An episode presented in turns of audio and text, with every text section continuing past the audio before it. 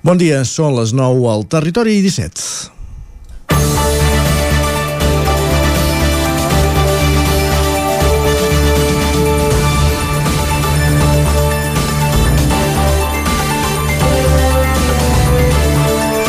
Vic acollirà durant aquest cap de setmana una nova edició de la Fira de Formatge Artesà de Catalunya Lactium, mentre que a Cardedeu s'hi recupera la Fira de Sant Isidre amb tot el seu esplendor.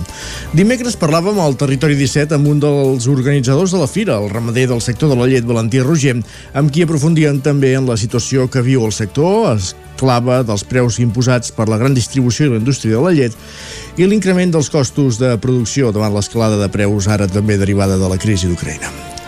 Per fer formatges també falta llet, òbviament, i a la roda de premsa de presentació del Lactium també dimecres s'insistia en l'escassedat d'aquest producte fruit en part del tancament de granges dels últims anys, però també de les mesures dràstiques i desesperades dels ramaders que es veuen obligats a augmentar el llindar de productivitat d'una vaca i sacrificar el bestiar, que ja no arribava als litres diaris de producció estimats. Davant de tot aquest context, els ramaders i els seus representants busquen noves vies, no només per parar el cop, sinó per mantenir el sector a mitjà i llarg termini. És en aquest marc on ens arriba la notícia que avui publica el 9-9. Baquers, Plana de Vic i la unió de les dues cooperatives que recull la llet d'una trentena de granges d'Osona i la vena a la indústria ha renovat a l'alça en concordança amb l'increment de preus amb dues indústries, Pasqual i Cacaulat, però no estat possible l'acord amb una tercera, Làctia, que fabrica abrics per, de marca blanca per a Mercadona. I què se'n fan dels 150.000 litres de llet que portaven cada setmana a la fàbrica que aquesta companyia té a Vidreres? Doncs el distribueixen entre els altres dos fabricants citats abans, productors de formatge del territori i alerta, n'exporten també una part a la ciutat italiana de Bèrgam. De llet en falta a Catalunya, a Espanya també, a França o a Itàlia, i per paradoxal que sembli, surt a compte perquè paguen més bé la llet a Itàlia, ja que als països europeus l'asfíxia sobre el ramader no és tanta. D'una banda, hem de felicitar els vaquers Plana de Vic de saber trobar sortida a la llet i a la crisi que fa massa temps que dura, però de l'altra ens hem de qüestionar tots plegats si aquest és el model a seguir. Cert és que políticament s'hi està treballant i segurament veurem resultats més d'hora que tard, però en aquest mentrestant veiem com ens falta llet per fer formatges, però l'acabem exportant perquè vendre la casa no compensa. És divendres, 13 de maig de 2022. Comença el Territori 17 a la sintonia de Ràdio Cardedeu, una codinenca, la veu de Sant Joan, Ràdio Vic, el 9 FM i el Nou TV. Territori 17, amb Isaac Moreno i Jordi Sunyer.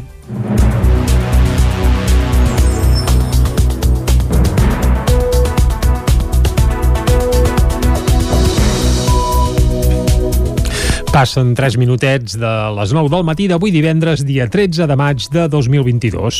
I de seguida el que farem és acostar-vos tota l'actualitat de les nostres comarques i això ho farem durant tota la primera hora de programa. A partir de les 10 actualitzarem butlletí informatiu i després ens tocarà anar cap a l'entrevista. Avui, Isaac, des d'on? Avui des del 9FM conversarem amb Jordina Boix, la directora de la Fundació Jacint Verdaguer sobre la Festa Verdaguer que Fulgarola celebra ja aquest cap de setmana. Això a l'entrevista, cap a un quart d'onze a dos quarts serà el moment de les piulades. Amb Guillem Sánchez, després farem un cop d'ull a les portades del 99.cat i tot seguit anirem a la taula de redacció. I cap a tres quarts d'onze ens tocarà parlar d'esports. Encara queden competicions, per tant encara hi ha agenda i farem un repàs a l'agenda dels principals equips de les nostres comarques per aquest cap de setmana, molt centrat sobretot en aquesta segona catalana de futbol i en les aspiracions que tenen el Torelló o el Cardedeu d'acompanyar alcaldes a, a l'ascens a primera.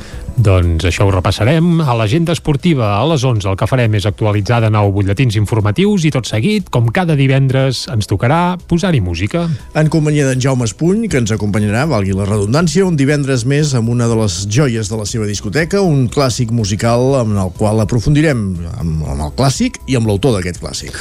A dos quarts de dotze serà el moment de pujar com cada dia a la R3, a la Trenc d'Alba, i tot seguit és divendres, vol dir que haurem de parlar de gastronomia. I ho farem amb la Caral Campàs, des d'Ona Codinenca, que avui són els protagonistes de, de la Foc Lent. I per acabar, com sempre, ho farem fent un repàs a l'agenda festiva i d'actes populars del cap de setmana a les nostres comarques. I n'hi ha forces, eh? Aquest cap de setmana es nota que s'acaba la que pandèmia, que ve primavera i que arrelen uh, firetes arreu del territori. Això ho repassarem a la part final d'un Territori 17, que ara arrenca, com sempre, fent un repàs a l'actualitat de les nostres comarques. Ja ho sabeu, les comarques del Ripollès, Osona, el Moianès i el Vallès Oriental.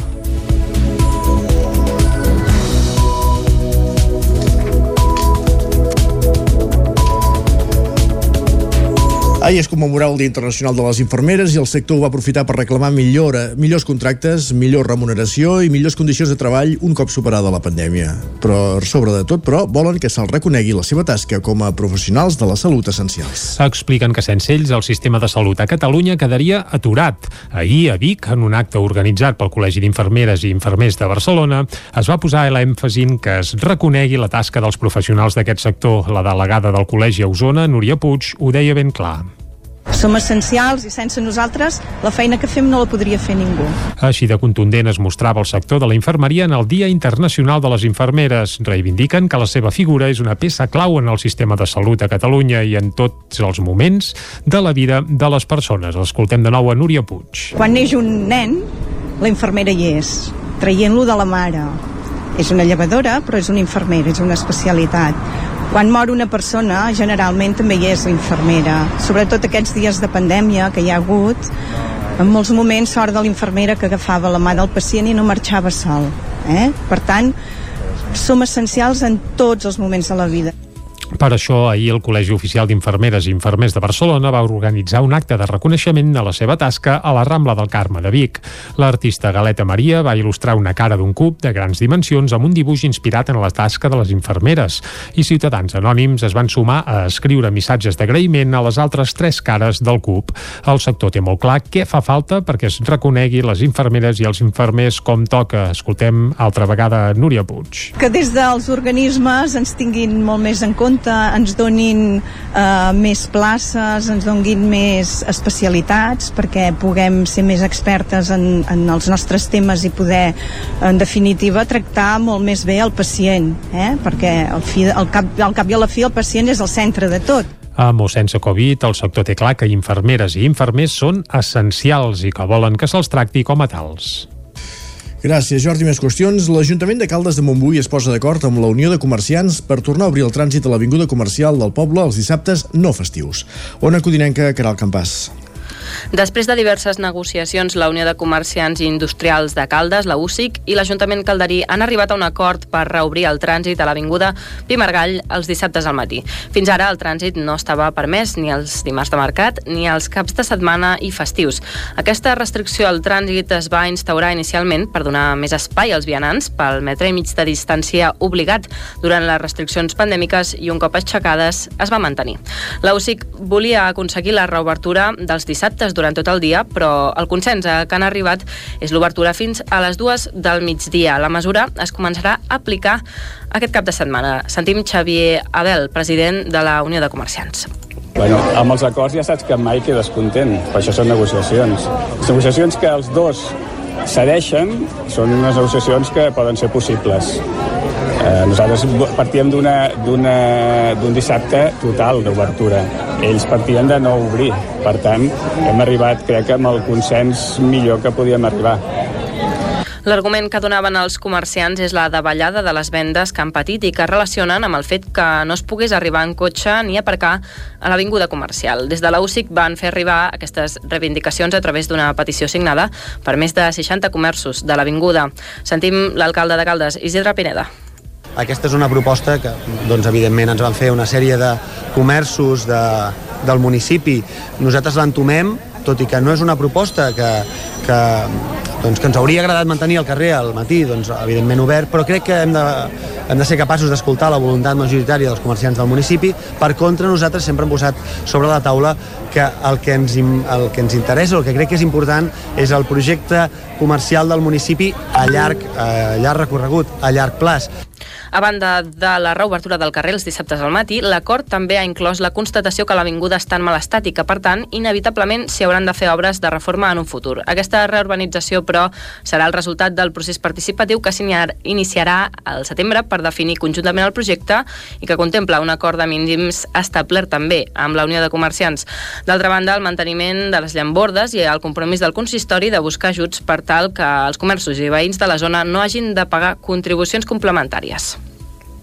Gràcies, Caral. El del WhatsApp era un servidor. Més qüestions. Vic acollirà dissabte i diumenge la 14a edició de l'Actium. La mostra de formatges catalans es tornarà a desplegar al Parc Jaume Balmes i comptarà amb una quarantena de formatgeries artesanes d'arreu del Principat. Sense barreres ni controls d'aforament. Així serà la 14a edició de l'Actium, la mostra de formatges catalans que es farà aquest dissabte i diumenge de nou al Parc Balmes de Vic.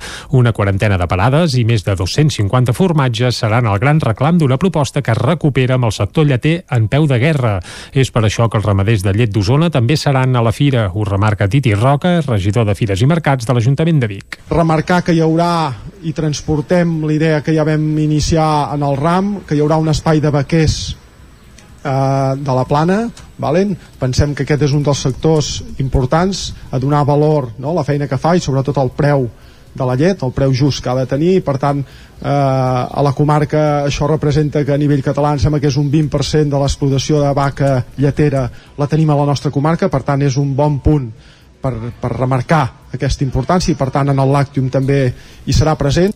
Un dels grans èxits de l'any passat, el Xisbar tornarà a presidir la fira. També hi haurà l'aula del formatge i el tradicional concurs Lactium que escollirà el millor formatge català del 2022. El, un certamen que després de dos anys de pandèmia recuperarà, per cert, les deliberacions a la Casa Ricard. Ho explica el director del Lactium, Isaac Gelabert ampliem premis. Eh, bé, això respon a, a una demanda de, del sector, una cosa que feia temps que ens demanava el sector, eh, és que les, les medalles, els premis ajuden eh, a, a, a posicionar i a vendre formatges. Nosaltres sempre havíem fet només horts i aquest any hem incorporat, és a dir, en aquelles categories que hi hagi més de 12 formatges hi hauran plates també, vale? atenent a un, a un criteri lògic i just, eh? de dir, ostres, si hi ha molts formatges poden haver més premis, que no se'n quedin i aquelles categories que superaran els 24 formatges, les 24 mostres hi haurà or, plata i bronze. La formatgeria Galmesan d'Arzua, de Galícia, serà la formatgeria convidada en l'edició d'aquest any.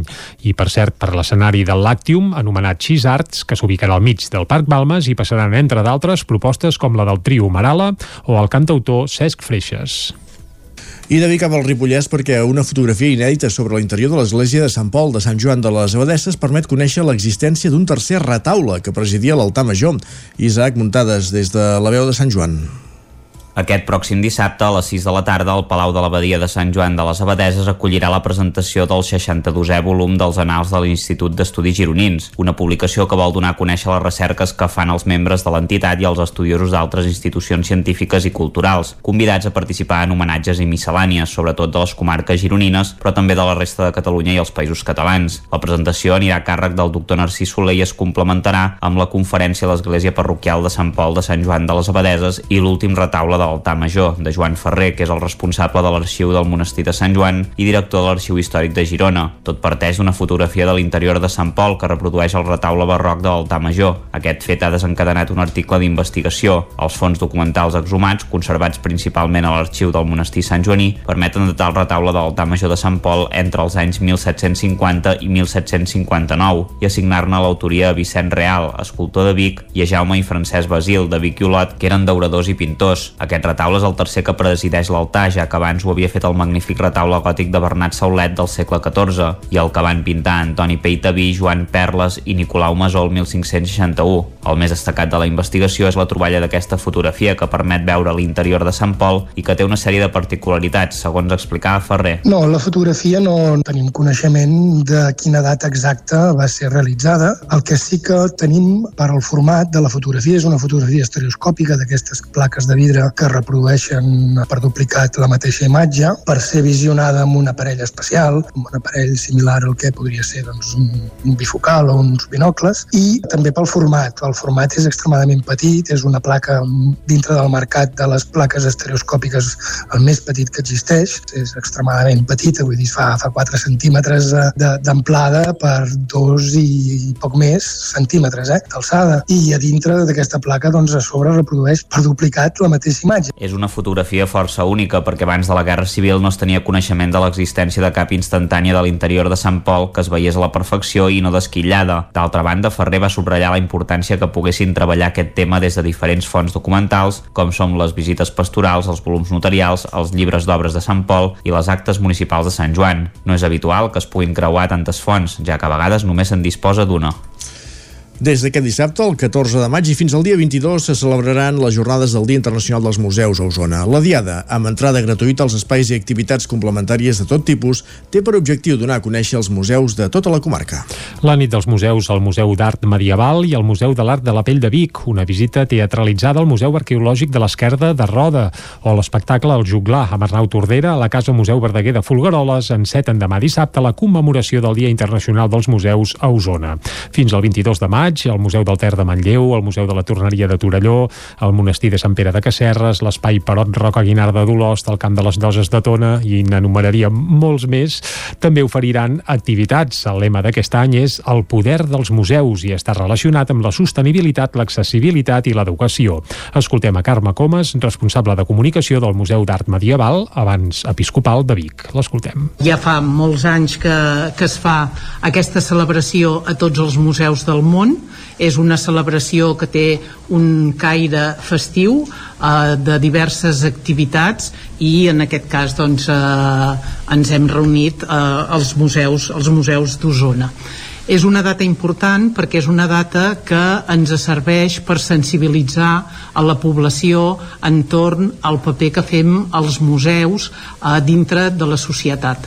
Coincidint amb el Dia Internacional dels Museus, s'ha presentat en fase de prova el joc interactiu El lladre de museus, un projecte elaborat des del Consell Assessor de Museus d'Osona, amb l'objectiu d'apropar els museus a famílies i joves. Ho explica Núria Arau, consellera delegada de Cultura del Consell Comarcal d'Osona. El que es vol és que els, els visitants descobreixin eh, quines obres han robat en els diferents museus d'Osona, qui és el lladre i també on els ha amagat. Amb això, amb aquestes pistes, eh, s'aconseguirà el resultat i aquest resultat eh, no només eh, haurà de ho farem que vagin als diferents museus d'Osona i per tant coneixin eh, el patrimoni que, que té la comarca el dia 18 de maig, que és pròpiament el Dia Internacional dels Museus, el Museu Episcopal de Vic presentarà una nova obra del taller dels Gascó, que s'unirà a la col·lecció que l'equipament té d'aquest taller, un dels més representatius del Renaixement en l'art català. I anem a Cardedeu perquè de l'apòstol a l'apostasia és el títol de la darrera aula de cultura celebrada al Teatre Auditori. El protagonista va ser Albert Riba, president de la Unió d'Ateneus de Teus perdó, de Catalunya, que va obrir un debat sobre la laïcitat, l'ateisme i l'apostasia. Núria Lázaro, Ràdio Televisió, Cardedeu. Albert Riba posava sobre la taula de l'Aula de Cultura de Cardedeu diferents aspectes, començant per la laïcitat, que van derivar a un debat i a preguntes sobre l'ateisme, la llibertat de consciència, l'apostasia, el lliure pensament, els drets humans o perquè en un país amb tendència catòlica cada cop són més les persones no creients. Albert Riba, president de la Unió de Teus de Catalunya. Bàsicament per un, per un una qüestió cultural, és a dir, la gent a mida que va adquirint cultura doncs pensa pel seu compte ja he dit que la nostra missió a la vida és fer pensar la gent, no convèncer-los de res, sinó que pensin i arribin a conclusions. Llavors la gent, quan pensa, pues, descobreix coses que no li no acaba d'entendre, no? que li explicaven quan era petit, que se li ha quedat en el cap ficat d'alguna manera, però que després no li troba sentit. La missió de la Unió de Teus de Catalunya és fer pensar la gent i basar-se en documentació històrica i filosòfica. A l'Aula de Cultura de Cardedeu s'hi va parlar també de l'apostasia, abandonar donar una fe, un acte que en quasi totes les religions és un delicte. Albert Riba. Avui hi ha 13 països que tenen la pena de mort als apòstates. És una situació eh, que ens ho prenem una miqueta de broma, això de l'apostasia aquí, però és un aspecte molt seriós. Eh? I sí, hi ha gent que abandona una religió en concret, però segueix mantenint aquella creença perquè a dintre seu li ha quedat eh, implantat diuen, no? l'ou de la serp, no? que d'alguna manera no se sap desempallegar d'aquella visió de que hi ha alguna hi ha alguna hi ha alguna no? Doncs vull dir, aquí està el nostre paper, està justament amb aquesta gent, explicar-los que pensant poden arribar a una conclusió. La propera aula de cultura serà dimarts 17 de maig amb la fotògrafa i cineasta Alba Morera per parlar de la intimitat professional, un espai transformador del procés creatiu. Doncs amb aquesta crònica de Núria Lázaro des de Ràdio Televisió Cardedeu acabem aquest repàs informatiu que començàvem a les 9 en companyia també de Jordi Sunyer, Isaac Muntades i Caral Campàs. Moment ara de saludar també en Pep Acosta i parlar del temps.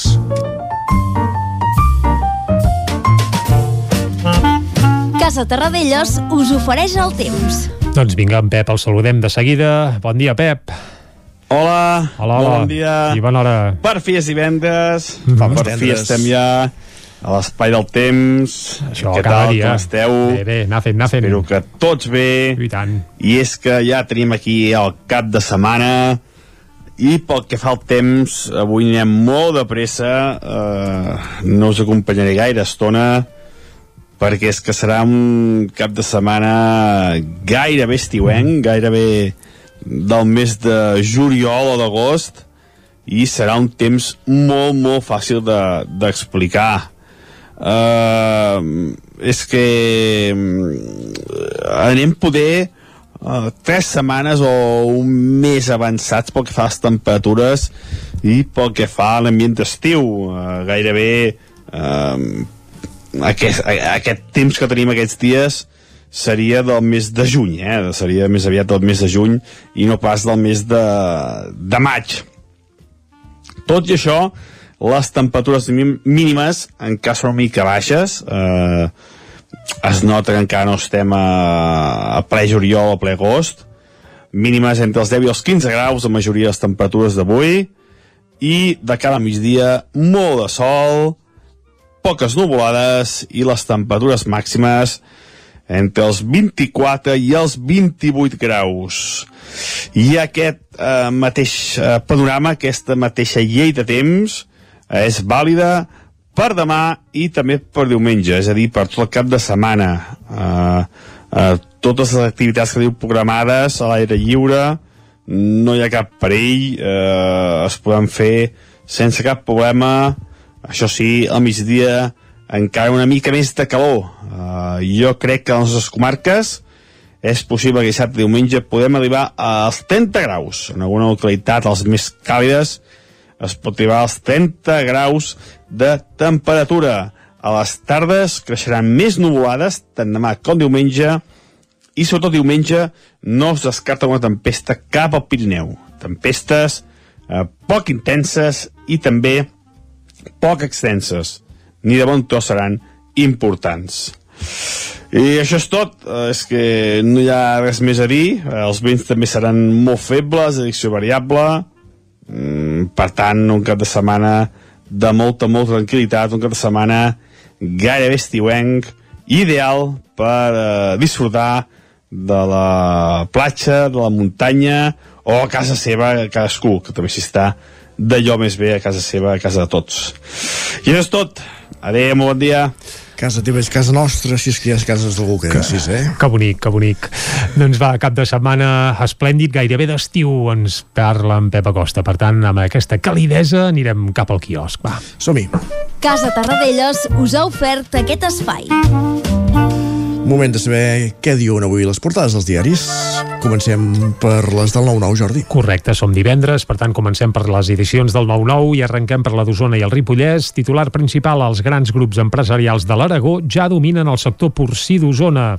Grupo Jorge i Costa Food, tots dos amb seu a això, a l'Aragó, s'han fet un lloc a la comarca al costat de la lleidatana Vall Companys. També a la fotografia veiem que Grupo Jorge fa efectiu el control a Baucells. Uh, Baucells, que en teoria molts el teniu ubicat a Tona, doncs bé, el Grupo Jorge faria Baucells, efectiu sí, es va vendre la, pa control. la part històrica de Pinso de Tona de l'any 2008 i ara mantenia una sala a l'I- a l'Illa Càrnia, que, o manté una sala d'esfí a l'Illa Càrnia, que és la que ara hauria adquirit Jorge.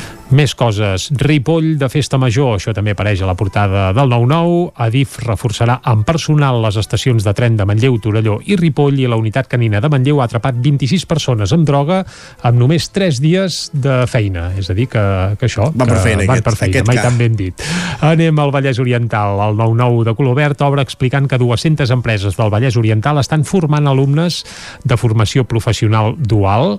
També a Bolafio renuncia a fer les obres de la piscina del Club Natació Granollers i uns 375 ucraïnesos han trobat refugi al Vallès Oriental. déu nhi 375 que, que se sàpiga. A més, també el Porta a Porta fa créixer la recollida selectiva del 43% al 79% a la Garriga i això en pràcticament 4 dies, per tant també és una xifra a tenir molt en compte. I ràpidament, va, cop d'ull a les portades d'àmbit nacional on hi ha dos protagonistes, eh? un és aquesta fotografia del centre de la galàxia i Sí. l'altre la negre. política, sí, pràcticament podríem dir que tot és un forat negre, eh? per exemple, el punt avui, cul de sac, aquí encara no fan referència al centre de la galàxia, sinó a que Junts descarta reformar la llei de política lingüística pel 25% de castellà. Esquerra veu irresponsable no intentar blindar la immersió i l'actualitzarà, i González Cambrai es compromet a protegir els directors per escrit si cal. Bé, i la fotografia, això sí, és pel centre de la galàxia, la primera imatge de Sagitari A, el forat negre de la Via Làctia.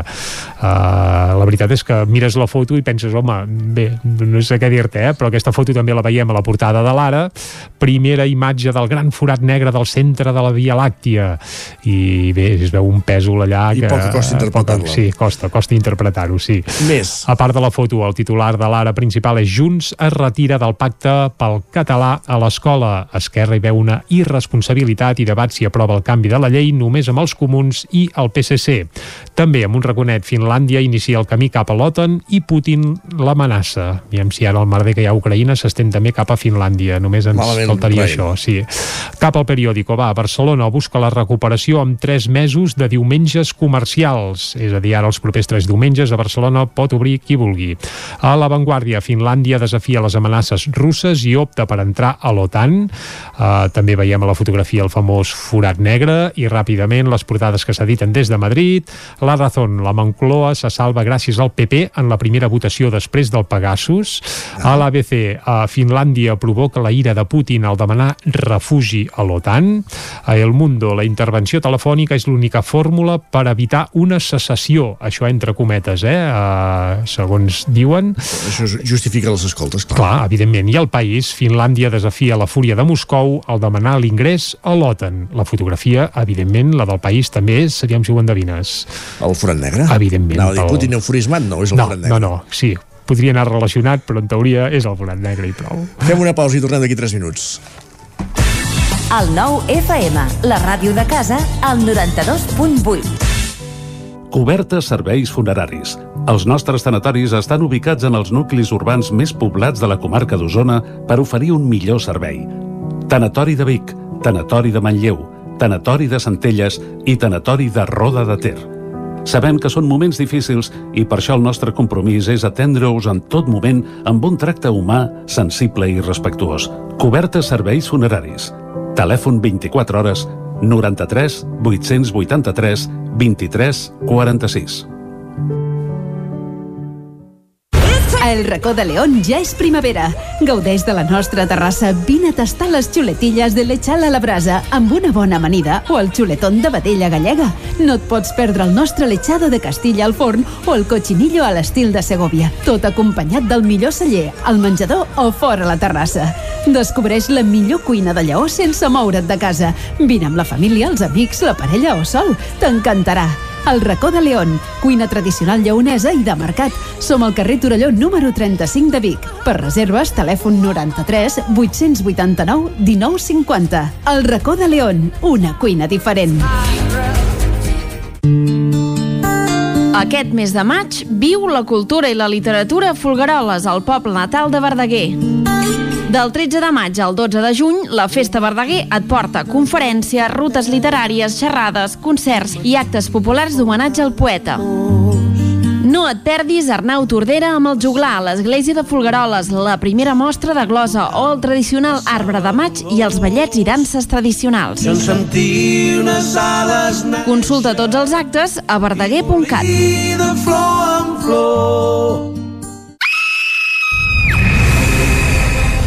Sherlock Holmes ha mort i Watson necessita la vostra ajuda per tornar enrere en el temps i trobar el punt exacte per salvar-lo del parany de Moriarty. Posa't en la pell del detectiu britànic i resol tots els enigmes en menys de 60 minuts per poder escapar. Elementary Escape Room de Vic, una aventura per a tota la família. Fes la teva reserva per WhatsApp amb el codi La Ràdio de Sherlock i aconseguiràs un 10% de descompte. Ens trobaràs de dijous a diumenge al carrer de la Fusina 22 de Vic per telèfon i WhatsApp al 622 85 54 17 o elementary.cat. El nou FM, la ràdio de casa, al 92.8.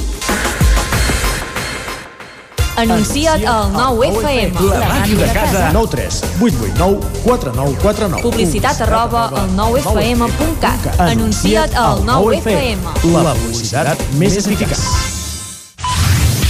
El 9 FM, el 9 FM, el 9 FM. En punt dos quarts de deu al territori 17. Territori 17, amb Isaac Moreno i Jordi Sunyer.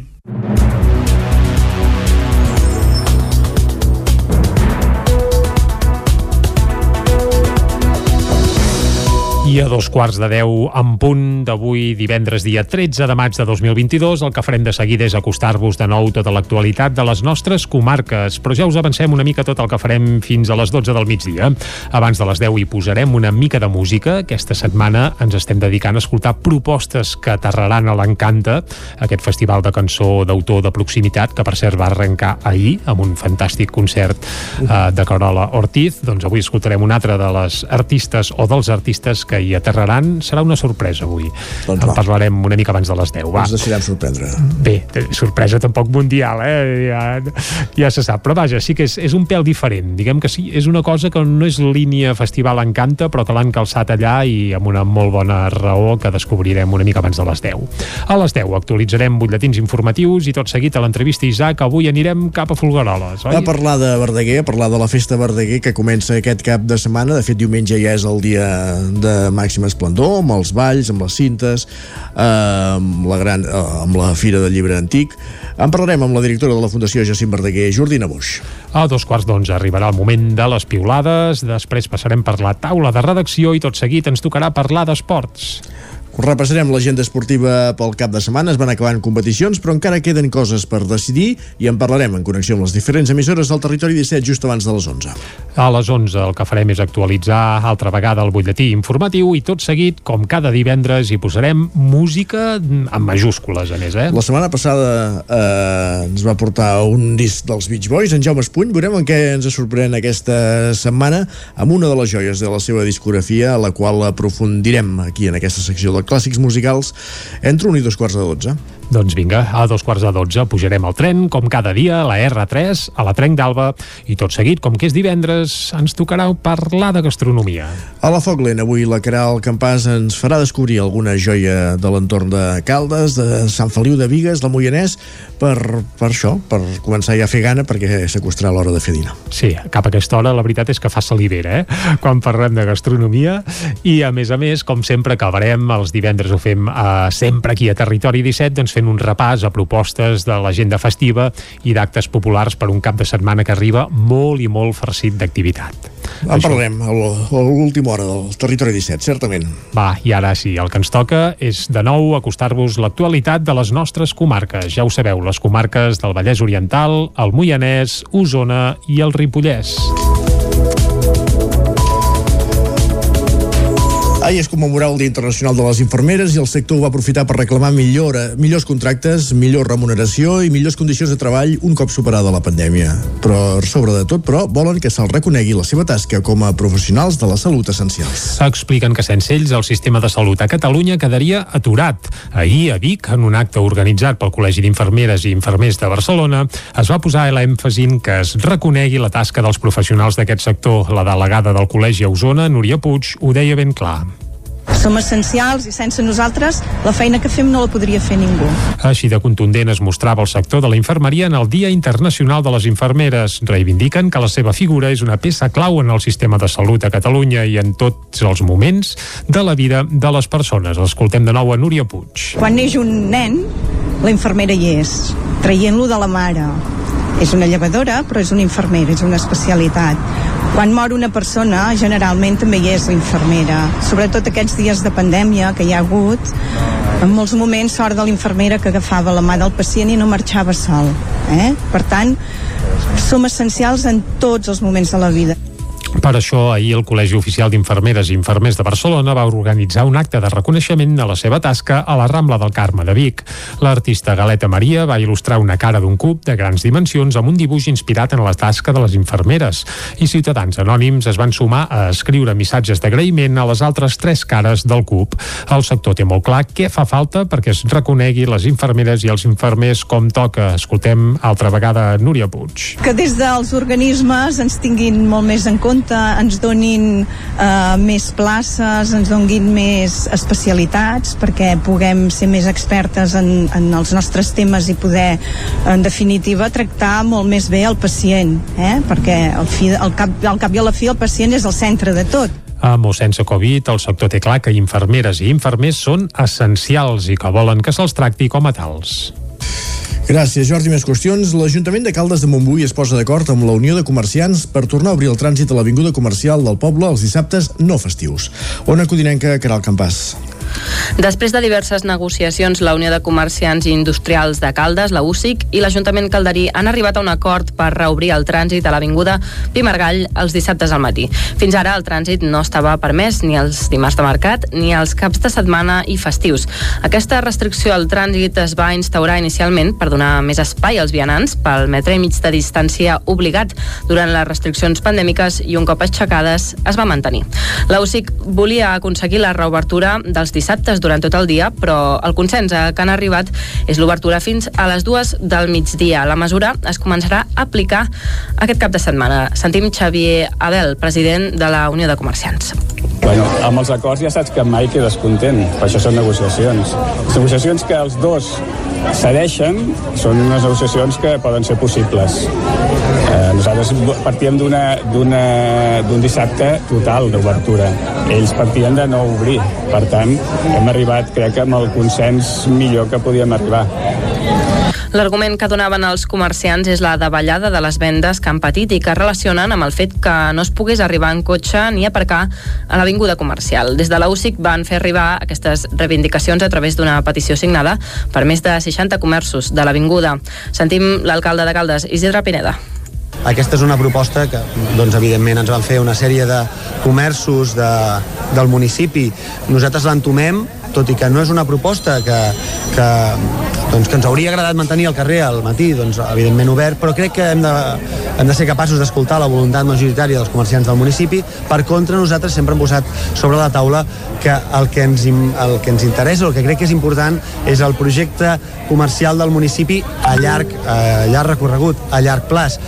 A banda de la reobertura del carrer els dissabtes al matí, l'acord també ha inclòs la constatació que l'avinguda està en mal estat i que, per tant, inevitablement s'hi hauran de fer obres de reforma en un futur. Aquesta reurbanització, però, serà el resultat del procés participatiu que s'iniar- iniciarà al setembre per definir conjuntament el projecte i que contempla un acord de mínims establert també amb la Unió de Comerciants.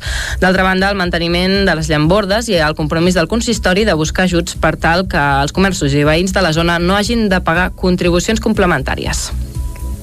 Gràcies, Caral. El del WhatsApp era un servidor. Més qüestions. Vic acollirà dissabte i diumenge la 14a edició de l'Actium. La mostra de formatges catalans es tornarà a desplegar al Parc Jaume Balmes i comptarà amb una quarantena de formatgeries artesanes d'arreu del Principat. Sense barreres ni controls d'aforament. Així serà la 14a edició del Lactium, la mostra de formatges catalans que es farà aquest dissabte i diumenge de nou al Parc Balmes de Vic. Una quarantena de parades i més de 250 formatges seran el gran reclam d'una proposta que es recupera amb el sector lleter en peu de guerra.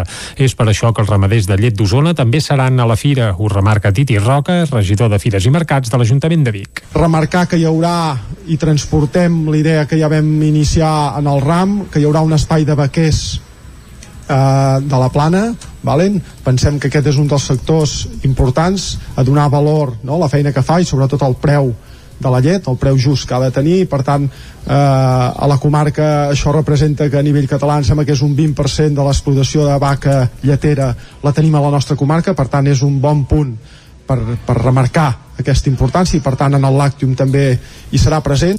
Un dels grans èxits de l'any passat, el Xisbar tornarà a presidir la fira. També hi haurà l'aula del formatge i el tradicional concurs Làctium, que escollirà el millor formatge català del 2022. El, un certamen que després de dos anys de pandèmia recuperarà, per cert, les deliberacions a la Casa Ricard. Ho explica el director del Làctium, Isaac Gelabert ampliem premis. Eh, bé, això respon a, a una demanda de, del sector, una cosa que feia temps que ens demanava el sector, eh, que les, les medalles, els premis ajuden eh, a, a, a posicionar i a vendre formatges. Nosaltres sempre havíem fet només horts i aquest any hem incorporat, és a dir, en aquelles categories que hi hagi més de 12 formatges hi hauran plates també, vale? atenent a un, a un criteri lògic i just eh? de dir, ostres, si hi ha molts formatges poden haver més premis, que no se'n quedin i aquelles categories que superaran els 24 formatges, les 24 mostres hi haurà or, plata i bronze la formatgeria Galmesan d'Arzua, de Galícia, serà la formatgeria convidada en l'edició d'aquest any. I, per cert, per l'escenari del Lactium, anomenat Cheese Arts, que s'ubicarà al mig del Parc Balmes, i passaran, entre d'altres, propostes com la del trio Marala o el cantautor Cesc Freixes.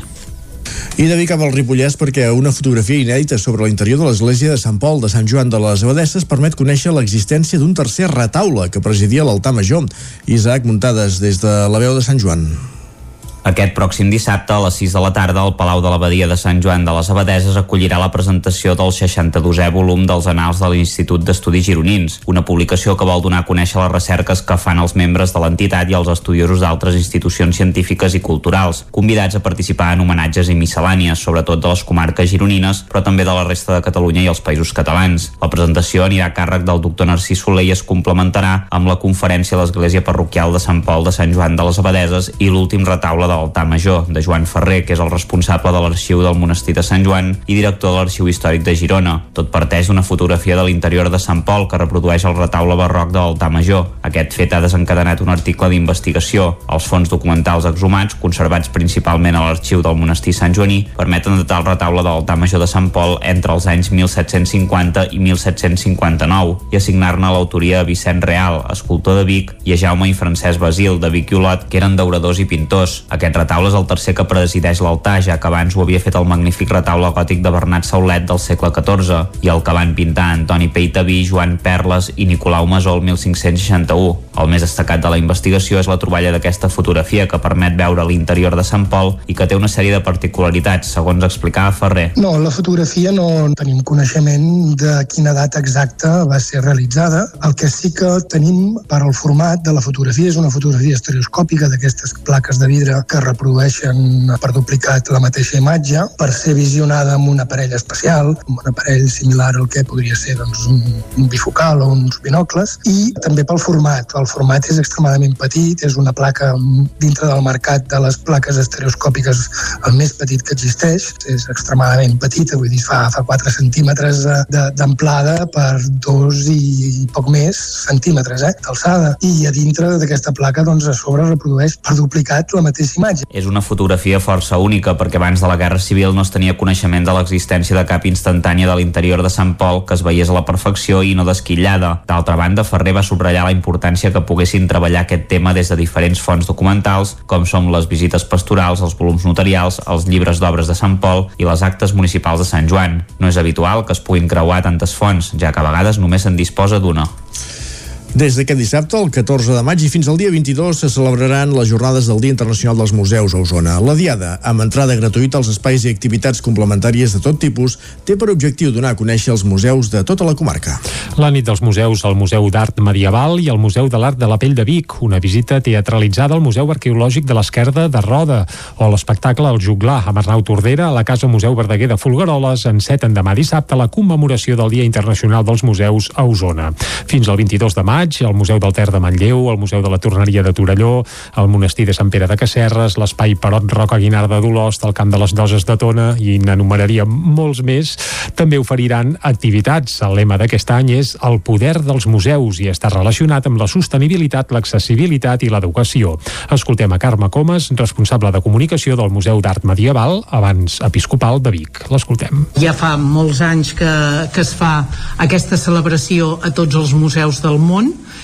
És una celebració que té un caire festiu eh, de diverses activitats i en aquest cas doncs, eh, ens hem reunit eh, als museus, als museus d'Osona. És una data important perquè és una data que ens serveix per sensibilitzar a la població entorn al paper que fem als museus eh, dintre de la societat. Coincidint amb el Dia Internacional dels Museus, s'ha presentat en fase de prova el joc interactiu El lladre de museus, un projecte elaborat des del Consell Assessor de Museus d'Osona amb l'objectiu d'apropar els museus a famílies i joves. Ho explica Núria Arau, consellera delegada de Cultura del Consell Comarcal d'Osona. El que es vol és que els, els visitants descobreixin uh, quines obres han robat en els diferents museus d'Osona, qui és el lladre i també on els ha amagat. Amb això, amb aquestes pistes, uh, s'aconseguirà el resultat i aquest resultat um, no només uh, haurà de ho farem que vagin als diferents museus d'Osona i per tant coneixin uh, el patrimoni que, que té la comarca el dia 18 de maig, que és pròpiament el Dia Internacional dels Museus, el Museu Episcopal de Vic presentarà una nova obra del taller dels Gascó, que s'unirà a la col·lecció que l'equipament té d'aquest taller, un dels més representatius del Renaixement en l'art català. I anem a Cardedeu perquè de l'apòstol a l'apostasia és el títol de la darrera aula de cultura celebrada al Teatre Auditori. El protagonista va ser Albert Riba, president de la Unió d'Ateneus de Teus perdó, de Catalunya, que va obrir un debat sobre la laïcitat, l'ateisme i l'apostasia. Núria Lázaro, Ràdio Televisió, Cardedeu. Albert Riba posava sobre la taula de l'Aula de Cultura de Cardedeu diferents aspectes, començant per la laïcitat, que van derivar a un debat i a preguntes sobre l'ateisme, la llibertat de consciència, l'apostasia, el lliure pensament, els drets humans o perquè en un país amb tendència catòlica cada cop són més les persones no creients. Albert Riba, president de la Unió de Teus de Catalunya. Bàsicament per un, per una qüestió cultural, és a dir, la gent a mida que va adquirint cultura doncs pensa pel seu compte ja he dit que la nostra missió a la vida és fer pensar la gent, no convèncer els de res, sinó que pensin i arribin a conclusions. Llavors la gent quan pensa pues, descobreix coses que no li no acaba d'entendre, no? que li explicaven quan era petit, que se li ha quedat en el cap ficat d'alguna manera, però que després no li troba sentit. La missió de la Unió de Teus de Catalunya és fer pensar la gent i basar-se en documentació històrica i filosòfica. A l'Aula de Cultura de Cardedeu s'hi va parlar també de l'apostasia, abandonar donar una fe, un acte que en quasi totes les religions és un delicte. Albert Riba. Avui hi ha 13 països que tenen la pena de mort als apòstates. És una situació eh, que ens ho prenem una miqueta de broma, això de l'apostasia aquí, però és un aspecte molt seriós. Eh? I sí, hi ha gent que abandona una religió en concret, però segueix mantenint aquella creença perquè a dintre seu li ha quedat eh, implantat el, el que diuen, no? l'ou de la serp, no? que d'alguna manera no se sap desempallegar d'aquella visió de que hi ha algo, hi ha algo, hi ha algo, no? Doncs vull dir, aquí està el nostre paper, està justament amb aquesta gent, explicar-los que pensant poden arribar a una conclusió. La propera aula de cultura serà dimarts 17 de maig amb la fotògrafa i cineasta Alba Morera per parlar de la intimitat professional, un espai transformador del procés creatiu. Doncs amb aquesta crònica de Núria Lázaro des de Ràdio Televisió Cardedeu acabem aquest repàs informatiu que començàvem a les 9 en companyia també de Jordi Sunyer, Isaac Muntades i Caral Campàs. Moment ara de saludar també en Pep Acosta i parlar del temps.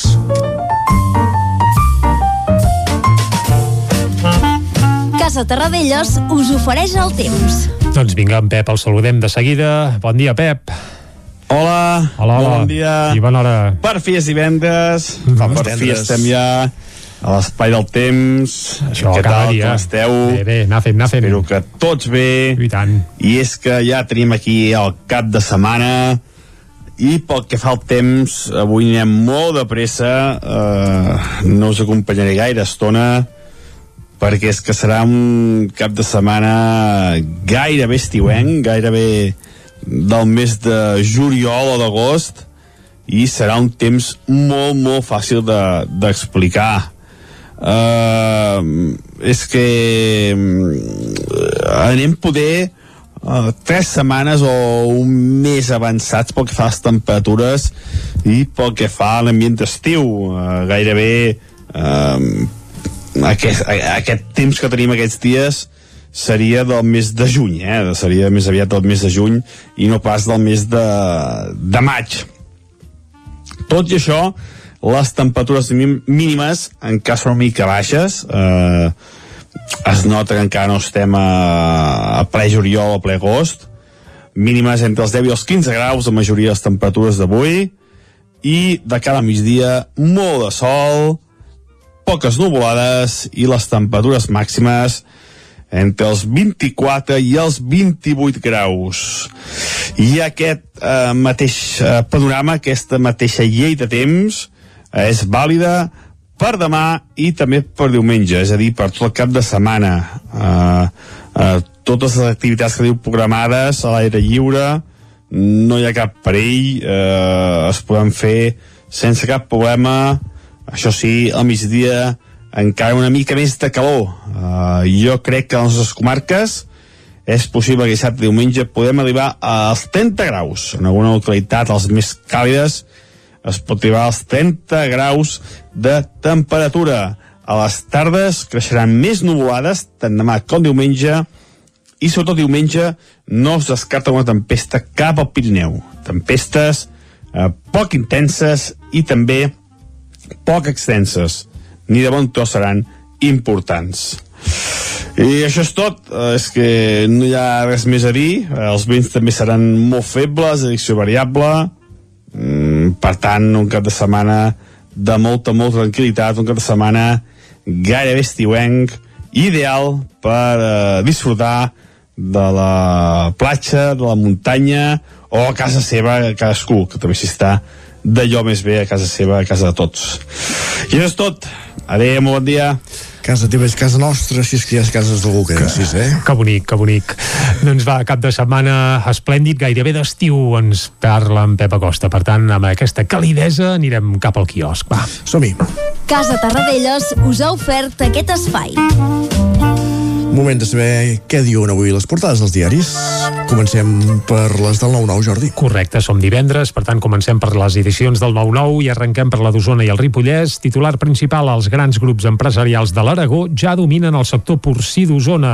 Grupo Jorge i Costa Food, tots dos amb seu a això, a l'Aragó, s'han fet un lloc a la comarca al costat de la lleidatana Vall Companys. També a la fotografia veiem que Grupo Jorge fa efectiu el control a Baucells, a Baucells que en teoria molts el teniu ubicat a Tona, doncs bé, el Grupo Jorge faria Baucells, efectiu sí, es va vendre la part, la part històrica de Pinso de Tona de l'any mm -hmm. 2008 i ara mantenia una sala d'esfil a l'Illa Càrnia, que, o manté una sala d'esfil a l'Illa Càrnia, mm -hmm. que és la que ara hauria adquirit Jorge.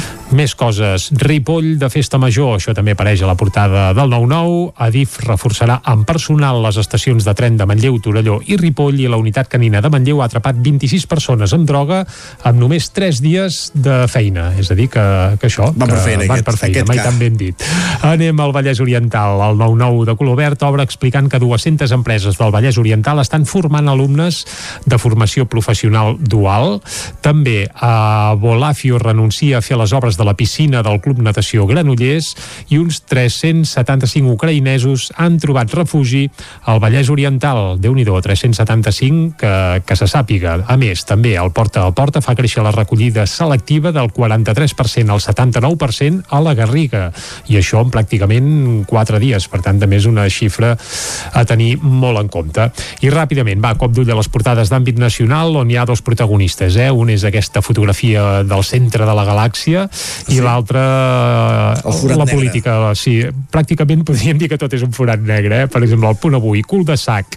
Aquí encara no fan referència al centre de la galàxia, sinó a que Junts descarta reformar la llei de política lingüística pel 25% de castellà. Esquerra veu irresponsable no intentar blindar la immersió i l'actualitzarà i González Cambrai es compromet a protegir els directors per escrit si cal. Bé, i la fotografia, això sí, és pel centre de la galàxia, la primera imatge de Sagitari A, el forat negre de la Via Làctia. Uh, la veritat és que mires la foto i penses, home, bé, no sé què dir-te, eh? però aquesta foto també la veiem a la portada de l'Ara, primera imatge del gran forat negre del centre de la Via Làctia, i bé, es veu un pèsol allà I que... poc costa interpretar-la. Sí, costa, costa interpretar-ho, sí. Més. A part de la foto, el titular de l'ara principal és Junts es retira del pacte pel català a l'escola. Esquerra hi veu una irresponsabilitat i debat si aprova el canvi de la llei només amb els comuns i el PSC. També amb un raconet, Finlàndia inicia el camí cap a l'OTAN i Putin l'amenaça. Aviam si ara el merder que hi ha a Ucraïna s'estén també cap a Finlàndia. Només ens Malament, faltaria Ucraïna. això, sí. Cap al periòdico, va, Barcelona busca la recuperació amb tres mesos de diumenges comercials. És a dir, ara els propers tres diumenges a Barcelona pot obrir qui vulgui. A l'avantguàrdia, Finlàndia desafia les amenaces russes i opta per entrar a l'OTAN. Uh, també veiem a la fotografia el famós forat negre i ràpidament les portades que s'editen des de Madrid. La Razón, la Moncloa se salva gràcies al PP en la primera votació després del Pegasus. A l'ABC, a Finlàndia provoca la ira de Putin al demanar refugi a l'OTAN. A El Mundo, la intervenció telefònica és l'única fórmula per evitar una secessió. Això entre cometes, eh? Uh, segons diuen. Això justifica les escoltes, clar. Clar, evidentment. I el país, Finlàndia desafia la fúria de Moscou al demanar l'ingrés a l'OTAN. La fotografia, evidentment, la del país també és, aviam si ho endevines. El forat negre? Evidentment. Dir el- Putin euforismat, no, és el no, forat negre. No, no, sí, podria anar relacionat, però en teoria és el forat negre i prou. Ah, mira, ara mirava la portada de l'avantguàrdia amb aquesta foto del relleu al CNI que deia la Margarita Robles que no canviarà res, eh? tot continuarà igual, per tant no sé per què canviar de directora, però vaja, en fi, és qüestions de... Bé, uh, sí, sí, ha de, ha de quedar bé, ha de semblar sí, sí. que es canvia alguna han de fer, cosa. Hem de fer equilibris entre com quedar bé Barcelona i com quedar bé Madrid. Bé, que, que ah. sempre acaba guanyant com quedar bé Madrid, però vaja. Que, clar, l'altre tema seria, de moment han caigut, entre cometes, responsables tècnics. Potser també hauria de saltar algun responsable polític de tot plegat, que en teoria... Però bé, i això, mira, ho deixem aquí. Uh, Posem-hi música, Va, que sí, sempre- segurament sempre és més interessant. Més interessant, més agraït i, i més plàcid. Va, i en aquest cas ja hem dit que avui, ja ho sabem, eh, aquesta setmana estem escoltant peces que es podran escoltar aquest cap de setmana al Festival Encanta i avui escoltarem una cançó d'un grup, és a dir, no és d'un cantautor, Uh, sinó que és d'una banda, Inspira, correcte. Qui són Inspira? Doncs home, Inspira són un dels primers grups d'aquest nou pop folk català, que ja fa uns certs, uns bueno, forces anys que, que estan vius i actius, és una espècie de grup de culte, eh, liderat pel Jordi Lanuza, un cantautor que per cert també té un bar eh, al barri de Gràcia de Barcelona, si voleu anar, molt aconsellable, i cal dir que els Inspira havien desaparegut, feia 3 o 4 anys que no se'n sabia absolutament res, no feien concerts, no feien discos nous, i de cop, fa un mes, van reaparèixer sense avisar, eh? sense ni treure allò singles eh, abans, ni sense fer gat- aquests invents que es fan avui dia, doncs no, no, tot de cop, pum, publiquen un disc. Uh, el disc, uh, cal dir que es diu Acaba i comença, va sortir per sorpresa i de presentació d'aquest disc només en fan re, quatre concerts escollits que els faran al, al llarg de, de tot l'any. Han fet una a Barcelona i el segon el faran a Roda. Serà aquest dissabte, dos quarts de vuit del vespre, a la Casa Cultural 1 d'octubre i en aquest disc s'hi podran escoltar peces com la que ja sentim de fons, que és Mentre cauen els de més. Això la Cristina Enfruns, si escolta aquest titular, eh, posarà el dit a la llaga perquè això dels de més no seria del tot correcte, però... Els de més 50 anys, vol dir, home. No, no, de més els altres, eh, els, però vaja, ja, ja ens entenem. El que passa és que Inspira són tan genials i alhora tan fantàstics que els hi perdonem una mica tot. Una mica, I no, només una mica, una mica, això. una mica, una mica. Això sí, ens alegrem que hagin retornat amb un disc molt aconsellable que, recordem-ho, es podrà sentir en directe aquest dissabte a l'Encanta de Roda de Ter, un cicle, un festival dedicat en principi només a cantautors, però clar, diguem que amb el petit de Cal Aril i a m'Inspira haurien fet una mica d'excepció, però com que són propostes molt marcades pel seu líder, que gairebé es podria dir que és un cantautor, en aquest cas el Jordi Lanuza, el Joan Pons en el cas del petit de Cal Aril, doncs ja tot s'hi val, va. Doncs va. Ens quedem amb aquesta proposta fins al punt de les 10. Vinga. resta de la gent ja comença a estar a més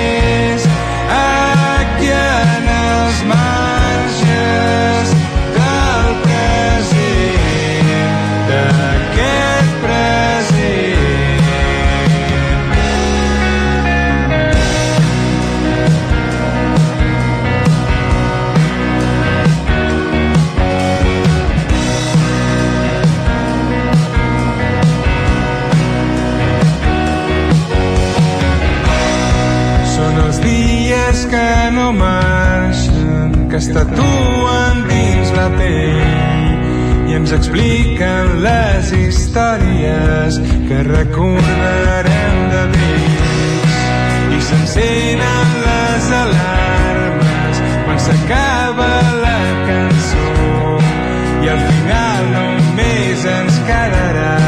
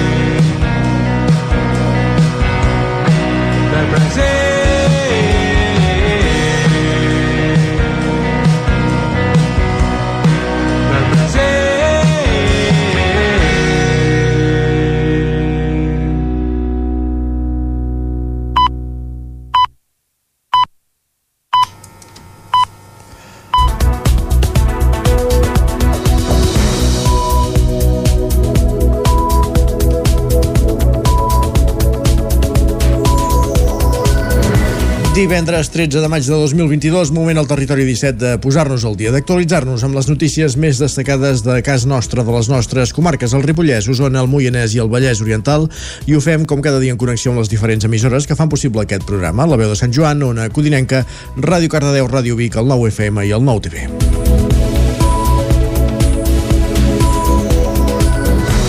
Us expliquem a aquesta hora que Osona és una de les 10 comarques catalanes que més creixeran fins al 2033. Aquestes són les previsions d'un estudi de l'IDESCAT, que també apunta que Vic lidera el rànquing de les ciutats catalanes, on es preveu un augment més gran d'habitants. Osona i el Ripollès arribarien l'any 2033 als 176.391 habitants i als 25.548 respectivament. Aquestes són les xifres que es desprenen de les projeccions de població municipals que elabora l'Institut d'Estadística de Catalunya, l'IDESCAT, basant-se en els habitants del 2018. D'aquesta manera, Osona seria la novena comarca que més creixeria de tot Catalunya, mentre que el Ripollès ocuparia la 31a posició. Si ens centrem en les xifres de l'àmbit municipal, a Osona Sobremunt és el poble que més creixeria. El 2033 arribaria als 94 habitants, que suposaria un 20,5% més respecte al 2021, en què en tenia 78. En nombres absoluts, però, qui creixeria més és Vic, que arribaria als 54.800 habitants al 2033, 7.500 més que els que s'hi van registrar l'1 de gener de 2021. Però no només estaria al capdavant de l'àmbit comarcal. De les 25 ciutats més poblades de Catalunya, segons l'IDESCAT, Vic seria la que més creixeria en nombres relatius. Al darrere hi hauria Castelldefels i Terrassa, amb una variació del 13 i l'11% respectivament. El municipi d'Osona que perdria més població seria el Pens. Passarien dels 269 que hi havia l'any 2021 als 209 al 2033. En nombres absoluts parlaríem de les Masies de Voltregà, que perdria 250 habitants respecte als 3.178 que tenia el 2021. El Ripollès Campelles és el municipi que registraria un creixement més elevat. El 2033 arribaria als 186 habitants, amb una variació del 24,8% respecte al 2021. Si ens centrem en nombres absoluts, la capital del Ripollès també és la que més creixeria. Ripoll arribaria al 2033 als 11.039 habitants, un 2,9% més dels que té actualment. Aquestes xifres, segons apunten des de l'IDESCAT, haurien de permetre als ajuntaments i consells comarcals orientar les polítiques relacionades amb l'educació, transport i sanitat, entre d'altres.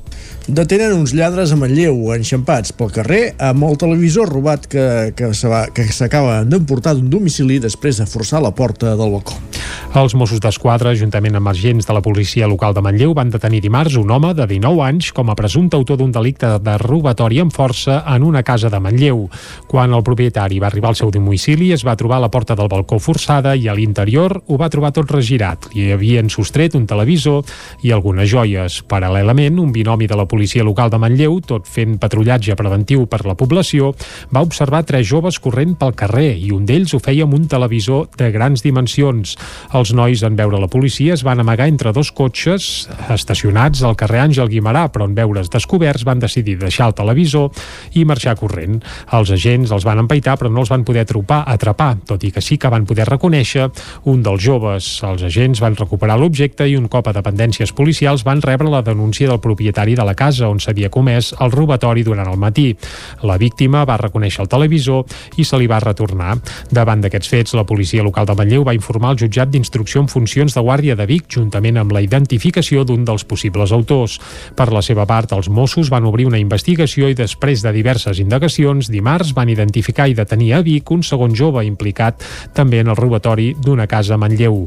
La investigació continua oberta per tal d'identificar i detenir el tercer implicat. El detingut va passar dimecres a disposició del jutjat d'instrucció en funcions de Guàrdia de Vic. L'Hospital de Can de Bànol invertirà 71.000 euros a la instal·lació de 180 plaques solars fotovoltaiques. Isaac Muntades, la veu de Sant Joan. L'Hospital Comarcal del Ripollès de Can de Bànol està instal·lant panells fotovoltaics a la teulada de l'edifici per tal d'apostar per les energies renovables i caminar cap a uns equipaments més sostenibles. Les plaques s'han començat a instal·lar aquesta mateixa setmana i es preveu que els treballs tinguin una durada de 10 dies. La inversió total és de 71.000 euros, que tenen una subvenció del 25%, uns 17.750 euros del Fons Europeu Next Generation. L'aposta per aquesta inversió respon a la necessitat de reduir el cost de l'energia de l'hospital, tenint en compte que és molt elevat perquè es tracta d'un equipament que està en continu funcionament. A més, aquest increment de l'electricitat s'ha vist agreujat a causa de la guerra d'Ucraïna. Es preveu que amb les plaques fotovoltaiques es generi un estalvi anual d'uns 8.000 euros en despesa d'energia. En total s'instal·laran 180 plaques a la teulada de l'edifici de l'hospital i es preveu que aquesta inversió s'amortitzi entre 7 i 8 anys. En principi, els treballs no tindran una gran afectació pels usuaris. Bàsicament, la grua que ajuda a la col·locació dels panells ha ocupat momentàniament la illeta central de davant de l'hospital provocant algun problema de mobilitat mínim. El personal de coordinació de la instal·lació i el propi de l'hospital estan a peu d'obra per tal de minimitzar aquestes incidències. Segons va explicar el director financer del centre hospitalari, Sergi Subiracs, també estan a la guait d'altres possibles línies d'ajudes en aquest àmbit de la sostenibilitat i d'inversions en equipaments sanitaris per si poden ser-ne beneficiaris, però el director financer admet que el desplegament per part del govern és lent. A Vic, el president del Foment del Treball, Josep Sánchez Llibre, es va reunir ahir amb la presidenta del Consell Empresarial d'Osona, Lourdes Baulenes, i la presidenta de FEPIME, Maria Elena de Felipe.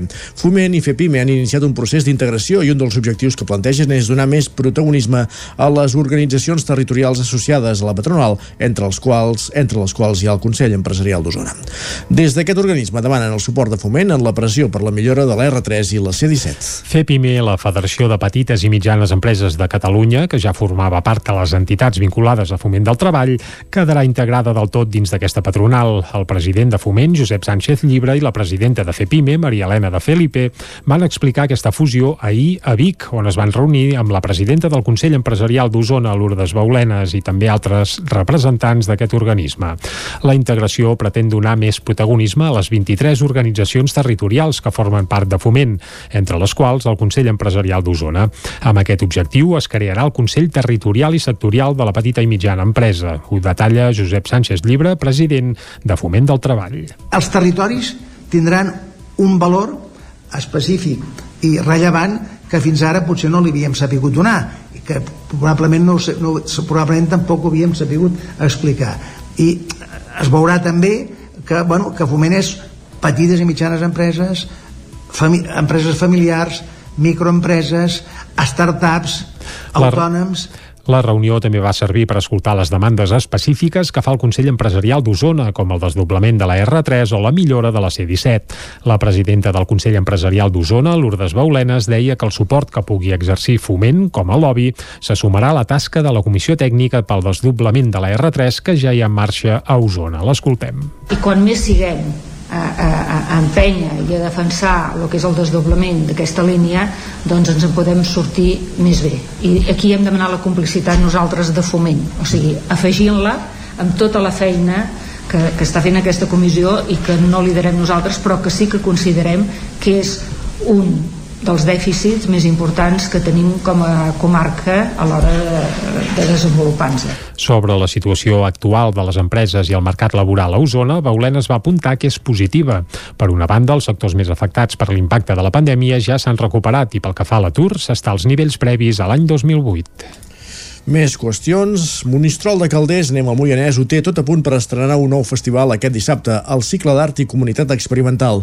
Ona Codinenca, Caral Campàs. L'espai d'art rural Calrós proposa una jornada d'experimentació amb artistes que dominen tant arts convencionals com contemporànies. Antonio Clavijo és un dels directors artístics del festival. Doncs Calrós això ja ho porta a treballar. Aquest no és el tallar, sentim-lo ara sí. I en la, allà doncs, han d'entrar i han de poder conviure doncs, totes aquestes sensibilitats. Per això, experimental és una paraula que dic que mm, pot ubicar-se en molts llocs, però la nostra línia de treball seria això, un espai comú en el que ens podem trobar moltíssimes sensibilitats. Monistrol de Calders s'està reivindicant des de l'obertura de Cal Ros Doncs com Cal un dels Ros, això ja- pobles perdó, com un dels pobles amb més dinamisme cultural, amb especial sensibilitat per les arts contemporànies. Des del món artístic agraeixen apostes com aquestes en entorns rurals. Ara sí, sentim un altre cop Antonio Clavijo. Doncs Cal Ros això ja ho porta a treballar amb temps. I, i des de Monistró de Calders doncs, tenen aquesta, aquesta línia de treball molt clara i una escletxa com d'esperança dir és que és veritat que hi ha moltes persones fent coses molt potents, molt interessants i també redunda en una de les nostres línies de treball nostra, que és crear una xarxa d'espais, de llocs, amics, amb una, ja dic, amb una sensibilitat doncs, molt particular respecte a aquest tipus d'activi- d'activitats experimentals Dissabte, des de les 11 del matí fins ben entrada la nit, Monistrol de Calders serà un punt de trobada per artistes de tota mena, poetes, punxadiscos, músics, videoartistes, entre d'altres. I continuem a l'àmbit cultural perquè l'Alhambra Festival Jazz Vic encara a la recta final de la 24a edició. Els noms de la bateria coreana Sun Mi Hong i com a saxo amb els contrabaixistes suec Peter Held són els que més destaquen dels concerts que es faran fins diumenge a la Jazz Cava i la plaça del Carbó.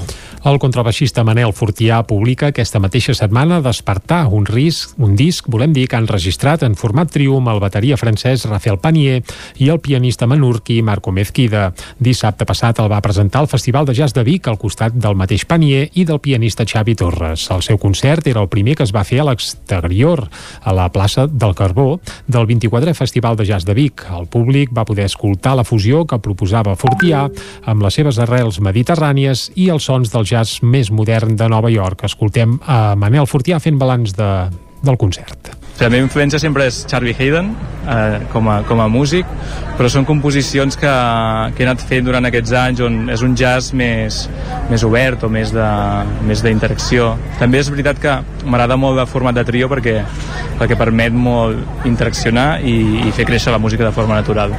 Llavors és una cosa que tenia ganes de fer també. Hi ha molt bona gent aquí a Vic i, i, i bueno, el Festival de Vic té, té molt de prestigi i estic molt content de poder-ho presentar aquí. La proposta de Manel Fortià Trio se sumava a les del primer cap de setmana de l'Alhambra Festival Jazz de Vic, que ha tingut una molt bona acollida per part del públic. En va destacar especialment l'actuació d'Oriol Roca Trio i Lin Cassiers, que es van registrar en directe i que es convertirà en la primera coproducció del festival amb el segell discogràfic Underpool. Tot i que no ha deixat de fer-se en cap dels darrers dos anys per culpa de la pandèmia, el Festival de Jazz de Vic ha recuperat aquest 2022 dates i format, que sí que havien canviat en les últimes dues edicions. Tot plegat ho destaca Eva Freixa, de la Junta de la Jazz Cava de Vic. Estem molt contents perquè després de dos anys de pandèmia que el festival s'havia traslladat a la tardor, a l'octubre, aquest és el primer any que podem tornar aquí i gaudir dels dos escenaris, de la Jazz Cava i d'aquí de, de fora a la plaça del Carbó i amb tota la plenitud del festival de jazz. Durant aquests 15 dies passaran una quinzena de propostes del jazz més experimental, alguns una mica més transgressores i altres no tant, i, i això entre la Jazz Cava i aquí fora podrem veure totes aquestes propostes. Doncs ahir mateix a la nit, per exemple, a l'interior de la Jazz Cava es va poder veure la proposta dels Nucli Trio, un grup usonenc que va convidar el trompetista David Pastor.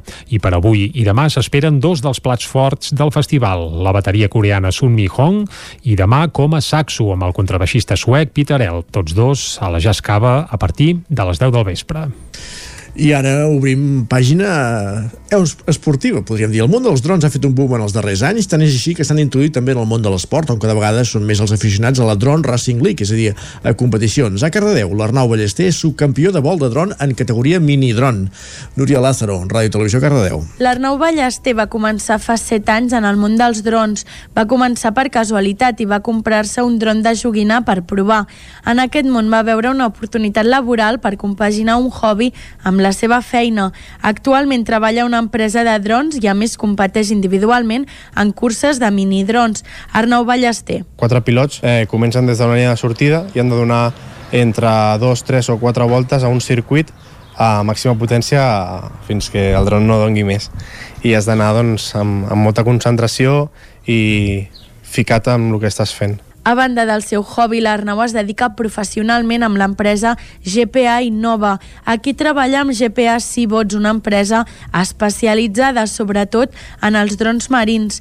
Actualment treballen en un projecte amb l'empresa de reinserció laboral TEP per ensenyar una nova feina, els drons aquàtics per ajudar a netejar els ecosistemes marins. Arnau Ballester. Aquest projecte està molt bé perquè estem fent dos barcos de neteja per poder netejar tots els ports i platges de Catalunya. A l'inici l'Arnau s'ho va prendre com un hobby, inclús va voler fer marxar enrere, però ara ha trobat una combinació perfecta entre l'oci i la feina dins del món dels drons. Gràcies, Núria Miginu, perquè sí, un quart d'onze. Acabem aquí aquest repàs informatiu que començàvem a les 10 en companyia també, de la, a més de la Núria Lázaro, de la Caral Campàs, Jordi Sunyer i Isaac Muntades. Moment ara d'afegir en aquest quartet amb Pep Acosta i parlar del temps. Casa Terradellos us ofereix el temps. Doncs vinga, a primera hora en Pep ja ens ha comentat que serà un cap de setmana gairebé estiuenc, radiant. per tant, exacte, radiant, amb sol, eh, podríem anar a la piscina ja gairebé, o a la platja, o on faci Aquest, falta. aquest matí ja he vist algú que anava amb, amb sandàlies, volia seure una terrassa i ha decidit entrar dintre el bar al final. Uh, clar, és que a primera hora del matí encara fa frescot, eh? I això és Vic. Però vaja, el que està clar és que, que es farà un bon cap de setmana per anar, per exemple, a Folgueroles, a la Va, Festa sí, Verdaguer, sí, però abans sí, sí. en Pep que ens expliqui el temps amb detalls. Va, Pep, bon dia de nou. Hola, molt bon dia. Uh, anem poder tres setmanes o un mes avançats pel que fa a les temperatures i pel que fa a l'ambient d'estiu. Uh, gairebé aquest temps que tenim aquests dies seria del mes de juny, eh? seria més aviat del mes de juny i no pas del mes de, de maig. Tot i això, les temperatures mí- mínimes encara són una mica baixes, es nota que encara no estem a, a ple juliol o ple agost, mínimes entre els 10 i els 15 graus la majoria de les temperatures d'avui, i de cara a migdia molt de sol, poques nuvolades i les temperatures màximes entre els 24 i els 28 graus. I aquest eh, mateix eh, panorama, aquesta mateixa llei de temps, eh, és vàlida per demà i també per diumenge, és a dir, per tot el cap de setmana. Totes les activitats que diu programades a l'aire lliure, no hi ha cap perill, eh, es poden fer sense cap problema, això sí, al migdia encara una mica més de calor. Eh, jo crec que a les nostres comarques és possible que dissabte diumenge podem arribar als 30 graus. En alguna localitat, les més càlides, es pot arribar als 30 graus de temperatura. A les tardes creixeran més nuvolades, tant demà com diumenge, i sobretot diumenge no es descarta una tempesta cap al Pirineu. Tempestes eh, poc intenses i també poc extenses. Ni de bon tros seran importants. I això és tot, Eh, és que no hi ha res més a dir, Eh, els vents també seran molt febles, de direcció variable, Mm, per tant, un cap de setmana de molta, molta tranquil·litat, un cap de setmana gairebé estiuenc, ideal per eh, disfrutar de la platja, de la muntanya o a casa seva, cadascú, que també s'hi està d'allò més bé a casa seva, a casa de tots. I això és tot. A disfrutar de, del temps d'aquest cap de setmana i fins aviat, ens escoltem dilluns. Adéu, molt bon dia. Vinga, Pep, que vagi molt bé. Cap de setmana radiant, per exemple, per anar a la festa per Degue, oi? Exacte, i per això en parlem tot seguit. Vinga, va, Som-hi, cap a l'entrevista. Casa Tarradellas us ha ofert aquest espai. Territori 17. Envia'ns les teves notes de veu per WhatsApp al 646 079 023. 646 079 023. WhatsApp Territori 17.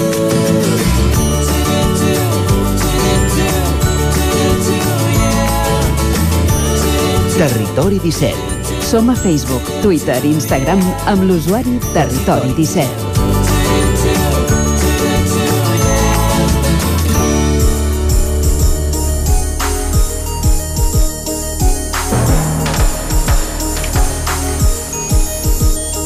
Doncs com bé dèiem, aquest cap de setmana comencen els actes relacionats amb la Festa Verdaguer, aquesta efemèride que es fa cada any entre les dates de naixement i de funció de, del poeta de Fulgaroles per mantenir viva la flama d'aquesta figura.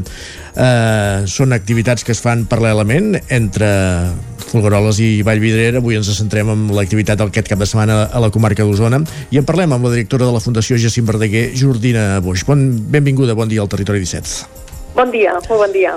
Com dèiem, aquest és el cap de setmana principal, l'esplendor de, de la festa Verdaguer, eh, que per fi recupera la normalitat després d'aquests dos anys d'impàs, per entendre'ns, en, en l'àmbit de la pandèmia. Exacte, exacte. Tor retorna als espais habituals, ocupa de nou el centre de la plaça i pot fer totes les activitats com, com són conegudes, no? que és un dia molt festiu a Folgueroles. Uh -huh. La sortida dels ballets i bé, diguem que tots els grups sempre implicats poden tornar a, a lluir. Uh -huh. Cada any per la Festa Verdaguer ens arriben doncs, noves propostes i una d'elles és el la, la segona la pel·lícula que es presenta avui, tot just es presenta el projecte, tot encara s'ha de rodar, sí. i és una nova pel·lícula seguint aquell eh, que vam iniciar amb Maleí de 1882 que ara es titularà Canigó 1883, un nou projecte audiovisual sobre la figura de Verdaguer. Exacte. Eh, avui és l'obertura, avui aquest vespre a la Casa Museu Verdaguer, amb la presentació d'aquest Canigó 1883. Com, de, com deies, és la, la segona part d'aquesta maleïda 1882 i d'aquesta manera tanquem tot un cicle d'explicar els... donaria per molt més, eh, segurament, però per explicar el que són els itineraris de Verdaguer pel Pirineu per tal d'escriure el poema Canigó. I ho fem amb un projecte audiovisual ambiciós de cinema en català que jo diria que, que aquesta segona part és encara més ambiciosa que la primera, eh? amb un repartiment d'actors de, de primera i, i un treball de guió també exhaustiu que ja porta 3 anys. Eh? I el que també es presenta és aquest projecte de, de, de microfinançament, no? diguéssim, per poder fer-la fer -la realitat. Exacte. Clar, davant abordar una cosa així des de la base, diguem, des d'entitats de, des i, i des de quasi una perseverança i una creença en el projecte, doncs és difícil, eh, són projectes costosos, i per això hem engegat la campanya de Verkami junt amb la productora, en Film Explora. I, i confiem que, que molta gent se senti atreta pel projecte, que pensem que és preciós i que el resultat s'ha demostrat que pot ser molt bonic, veient ja el resultat de la primera, i, i aviam, animem a tothom que faci un donatiu, encara que sigui ben petit, precisament és el valor de la suma de molta gent doncs que hi acabem, acabem fent-la possible. Uh -huh. mm. La presentació del projecte aquest vespre, com dèiem, és l'obertura d'aquests actes commemoratius sobre la figura de, de Verdaguer, emmarcats en aquesta festa Verdaguer, que incorpora altres novetats, com per exemple aquesta jornada de glosa de, de demà, una mostra de glosa de, de Folgueroles demà a la tarda, que comptarà, per exemple, entre d'altres, amb el cantant dels Brams, el Titot. Sí, és diumenge. Diumenge, el diumenge a la tarda, exacte. Amb la qual cosa n'estem molt contents, perquè és la primera mostra de glosa de Folgueroles. Com Folgueroles és un lloc en què les corrandes hi tenen un paper molt destacat. Uh -huh. uh, hi ha una tradició doncs, de cançó improvisada que precisament ara volem posar de relleu a partir d'aquesta mostra en què hem convidat doncs, gent referent dins del panorama glosador de països catalans. Penso en la MEC, en en Titot, amb la Núria Casals, no? I, i hi haurà més gent, eh? i músics, i els jardins de Can Dax acolliran doncs, aquesta primera mo mostra, on també es lliuraran els premis del segon concurs de corrandes de Fogueroles, que va començar l'any passat l'escola, sí. i que aquest any s'ha incorporat a la festa, nosaltres també ho hem promogut, i on han anat rebent doncs, corrandes des de totes les edats, eh? des dels més petits fins als més grans, i el dissabte, eh, ai, perdona, el diumenge en sabrem els guanyadors. Molt bé. Parlaves això de la tradició de corrandes de Folgueroles, no oblidem que d'aquí és en Carolino, diguéssim, qui és, Exacte. que, que durant molts anys és qui s'ha encarregat d'anar fent glosa i corrandes per, per arreu de la, de la geografia. Exacte, és la figura que reivindiquem i que de fet és membre del jurat d'aquest concurs i que evidentment tindrà presència allà també. Molt bé. Glosa, cinema, evidentment ara parlarem de, de les activitats del, del dia central que és diumenge, però no podem deixar passar també aquesta, aquesta actuació de demà a la tarda de, al vespre a l'església de, de l'Arnau Tordera, en aquest cas Mm. com a, amb l'espectacle El Juglar a l'església de, de Folgueroles. També l'Arnau Tordera, un altre dels il·lustres defensors de la figura de, de Verdaguer. Feia una proposta que ell va treballar moltíssim amb la composició en el seu dia d'ombres i maduixes i que ara passa en aquesta versió en solitari i estem contents de poder-la dur en un lloc tan verdegarià, no? l'església de Folgueroles, on el, a la plaça Verdaguer és l'epicentre d'infantesa del poeta. A aquella hora ja hi haurà l'arbre de maig plantat a plaça perquè s'haurà anat a buscar a la tarda, oi? Que aquesta ja és, diguéssim, sí que és el punt de partida Sí. d'aquestes activitats tradicionals de, de la festa Verdaguer. Sí, l'arbre de maig presideix la plaça durant tots aquests dies. S'anirà a buscar el, el, dis- el dissabte a la tarda. Començarem amb una comitiva amb, amb els flaviolaires, primer descobrint unes plaques que són dos poemes. Cada any, sempre a Folgueroles, en aquest moment, es, des, es destapen dos nous poemes en un carrer. Sempre tots els carrers van portant no, poesia de Verdaguer i ja en tenim molts, molts de posats, però sempre n'hi ha algun que encara no en té.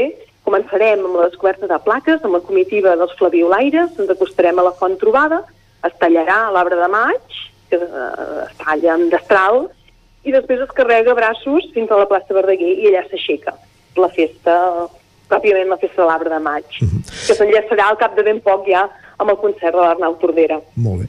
I ara si anem a diumenge, eh, hi haurà primer de tot la- l'acte acadèmic, en aquest cas amb, amb Jaume Coll Mariner, poeta, però també baixista d'Obeses, val a dir-ho, lligant- lligant-ho amb l'Arnau Tordera, que presenta Sí. aquesta conferència per d'aquesta rellonga els poemes i les coses. Eh, Serà dissabte, eh? Dissabte Serà també, carai, dissabte. es- tenim un- I- mareig amb el el tenim programa avui. girat. el tenim girat.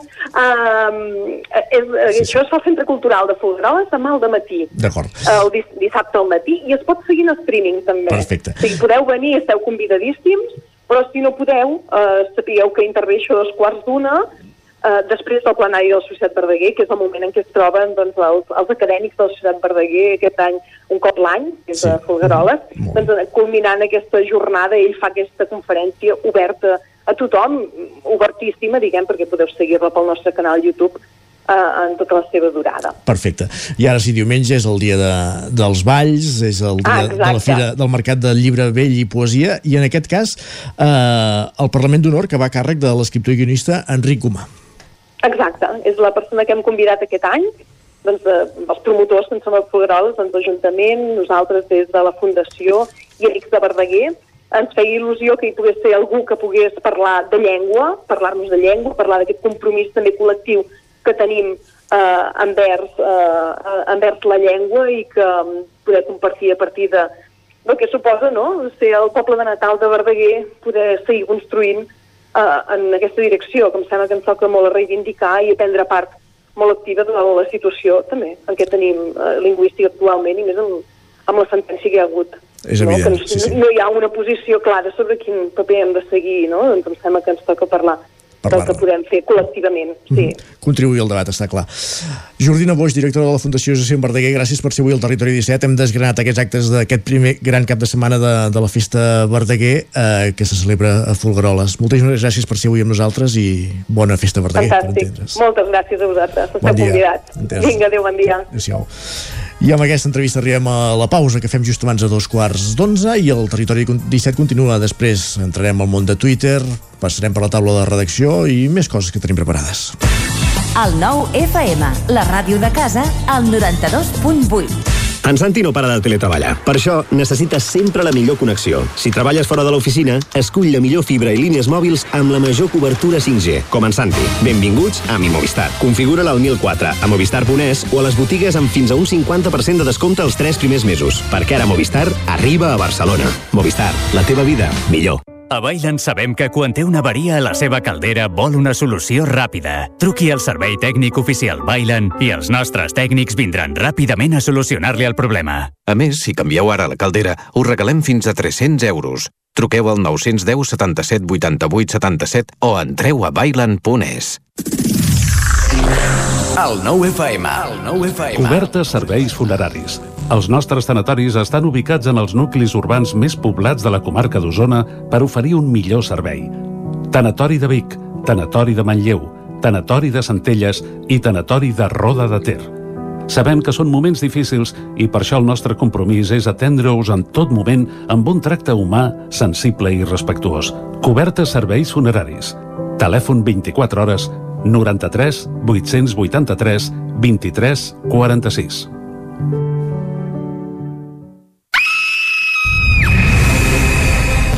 Sherlock Holmes ha mort i Watson necessita la vostra ajuda per tornar enrere en el temps i trobar el punt exacte per salvar-lo del parany de Moriarty. Posa't en la pell del detectiu britànic i resol tots els enigmes en menys de 60 minuts per poder escapar. Elementary Escape Room de Vic, una aventura per a tota la família. Fes la teva reserva per WhatsApp amb el codi La Ràdio de Sherlock i aconseguiràs un 10% de descompte. Ens trobaràs de dijous a diumenge al carrer de la Fusina 22 de Vic per telèfon i WhatsApp al 622 85 54 17 o elementary.cat. El 9 FM, la ràdio de casa, al 92.8. Cocodril Club. Si t'agrada la bona música dels anys 60, 70 i 80, escolta el 9 FM als matins de dissabtes i diumenges d'11 a 1. És el temps del Cocodril Club, tot un clàssic de la ràdio, amb les bases del pop-rock, les llegendes, les cançons que s'han convertit en autèntics himnes. Recorda, dissabtes i diumenges al matí, d'11 a 1, al 9 FM 92.8. Cocodril Club, el programa revival de l'Albert Malla. Hasta luego, cocodrilo. Anuncia't al 9FM. La ràdio de casa. 9 3 8 8 9 4 9 4 9 Publicitat arroba al 9FM.cat. Anuncia't al 9FM. La publicitat més eficaç. El 9 FM. El 9 FM. El 9 FM. El 9 FM. El 9 FM. En punt dos quarts d'onze al territori 17.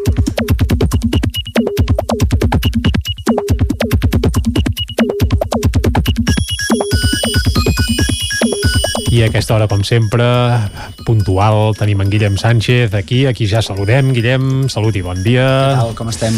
Bé, bé, bé. Avui, ara, deixa'm dir-te que em sorprèn que vinguis amb jaqueta, abrigat i cordat i tot, eh? Mira, com que avui a tres quarts de vuit estava envoltant ja per la ciutat dels Sants, eh, Mhm. he agafat una mica de, de fred, diguem-ho així. Clar, a primera hora del matí, per molta calor que faci aquests dies, El els jersei- matins són frescos encara, eh? Encara sí, encara sí. Va, doncs va, per treure't el fred de sobre, porta'ns unes quantes piulades que ens alegrin i escalfin l'ambient, si pot ser. Va. Doncs va, començarem per la de l'usuària Cirera, que ens diu... Encara estan verdes, eh? Sí. Les cireres, en teoria, però vaja, va, anem, Ahir, anem. ahir algú em va demanar que el fem riure. Doncs va. Doncs vinga, va. Va, provem-ho, provem-ho. Diu, al bar tenim el menú en català, en anglès i en francès. Han vingut quatre senyors que s'han queixat perquè no el tenim en espanyol. Per si no fos poc, han demanat el menú en anglès per no haver-lo de llegir en català. Diu, ara els tractem en anglès i no entenen res del que diem. Val a dir que això passa a Girona, eh? però, sí, sí, però, però podria passar a qualsevol altre punt. Podria passar a qualsevol punt. i. Va, des de la comarca sí que es fa referència a la següent problemàtica que ens diu l'Arnau. Diu, poc es parla de la proe- proesa que és viure a Osona, treballar a Barcelona i baixar cada dia en transport públic. Dic, crec que no exagero si dic que som uns herois. Bé, i els que ho fan des del Ripollès, que en parlàvem ahir, per exemple, amb el cas d'algú que ho feia amb tren i ara ho han de fer amb cotxe, ja ni en parlem. És a dir, que per herois, en aquest sentit, eh, en tenim Moltíssims. arreu, moltíssims. Sí, I sí, no només a Osona. Li respon per això eh, l'Ernest sense cap problema, li diu els que van fer les piràmides eh, sí que són herois, diu, diuen que no n'hi ha per tant. Bé, cadascú s'ho mira des del seu, sí, sí. des del Hi, seu ha, punt hi ha de vista. respostes també, eh, en aquestes respostes. Hi ha alguna, Isaac. no, no ha hagut d'agafar l'L5 en hora punta, per Correcte, i avui encara hi- avui al matí encara hi havia una altra resposta d'un usuari des de Berga que diu uh, que si la proesa a Osona era poder anar amb transport públic cap a Barcelona perquè l'oferta era baixa, diu aquí des de Berga diu és inexistent. Hi ha l'oferta de transport públic, per tant Sí, també... sobretot la ferroviària, clar, això, això és evident. Sí, sí. Bé, bé. Sí, sí. Va, i no sé si Anem-hi. vosaltres us heu trobat mai en una situació com la següent, ens, ens escriuen veure a un company de feina fent la dormideta després de dinar i no despertar-lo fins a l'hora de plegar. Quan això passi sabrem que el sistema funciona. Home, jo aquí al nou no ho he vist gaire, eh? De- Deixa-m'ho deixar ben clar, eh? Tot i que és veritat que hi ha algú, alguns que dineu o dinen aquí A la terrassa. a la terrasseta, i home, aquell solet, aquella hora, aquella Que no es migdiadeta... posaria malament, eh, una clar, migdiadeta. eh, És hora de parèntesi, per tant, migdiadeta s'hi valdria. Però vaja, bé, bé, i més aquests dies. I tant. Sí, sí. Encara no hi hem vist cap colxoneta. No, de moment No. encara no. La terrasseta. Va, i de la feina també ens arriba el següent missatge d'en Marc, que ens, que ens diu taquilla de la feina plena de dessuadores i visera del cas, del cas de la moto plena de mosquits. Dono per començat l'estiu. Mm.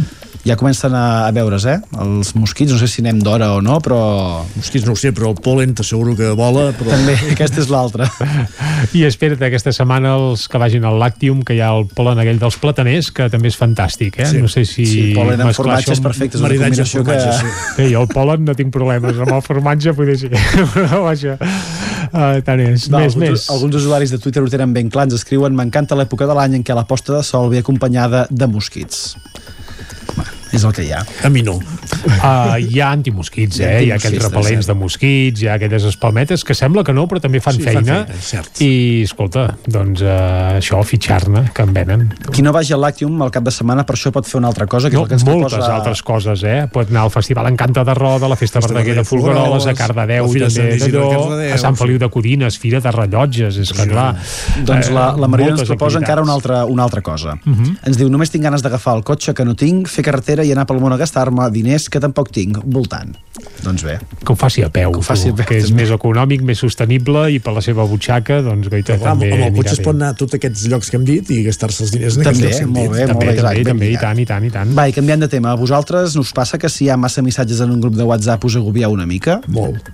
Bueno, directament, jo ja ni els llegeixo, si n'hi ha molts, eh? Hi ha, hi ha opció silenciar i opció de sortir. Uh, perquè Marc ens diu el meu dèficit d'atenció s'està greujant tant que si en un grup de WhatsApp s'acumulen més de 7 missatges abans que hi pugui entrar, perdo automàticament l'interès en la conversa.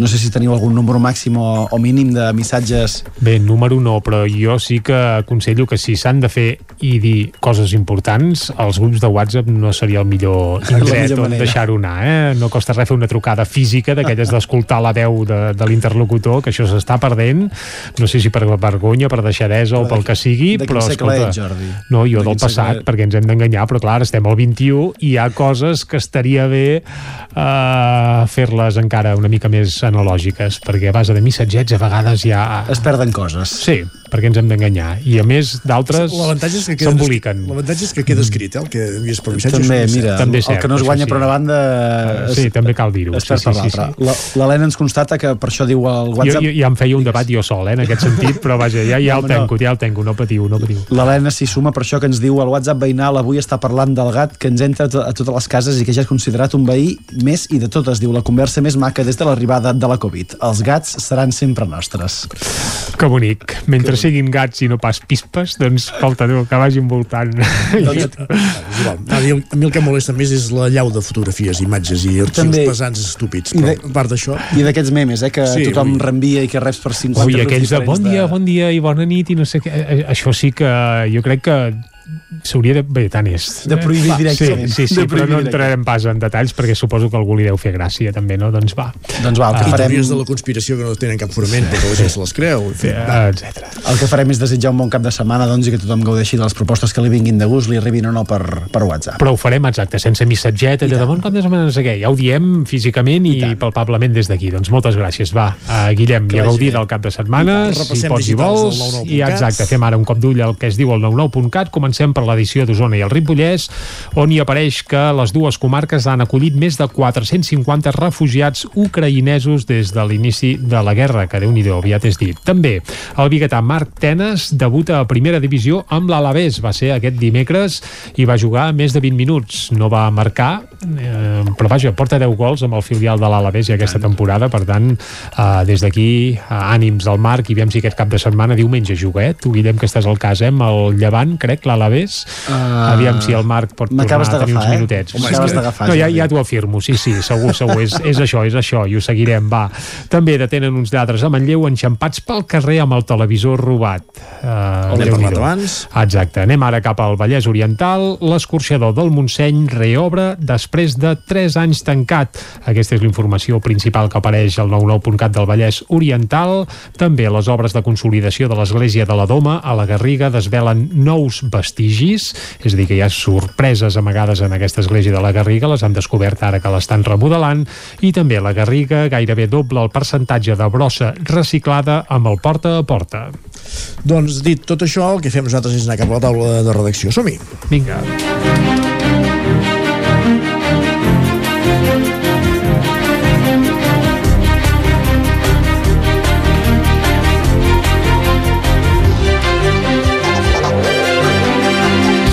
Taula de redacció avui en companyia de la Caral Campàs i d'en Jordi Vilarrodà. Anem fins a Caldes de Montbui. De fet, anem fins a on acudirem que físicament, però la Caral ens traslladarà a Caldes de Montbui. Caral, bon, benvinguda, bon dia. Bon dia. Per parlar de dues qüestions, ampliar una cosa que ja dèiem a les notícies, que és eh, aquesta recuperació de, del carrer comercial del poble per la circulació de vehicles els dissabtes, i l'altre, un, Sí. un cas d'un detingut per temes de tràfic de droga, també. Sí, uh, començo per aquesta ampliació que ja avançàvem al butlletí.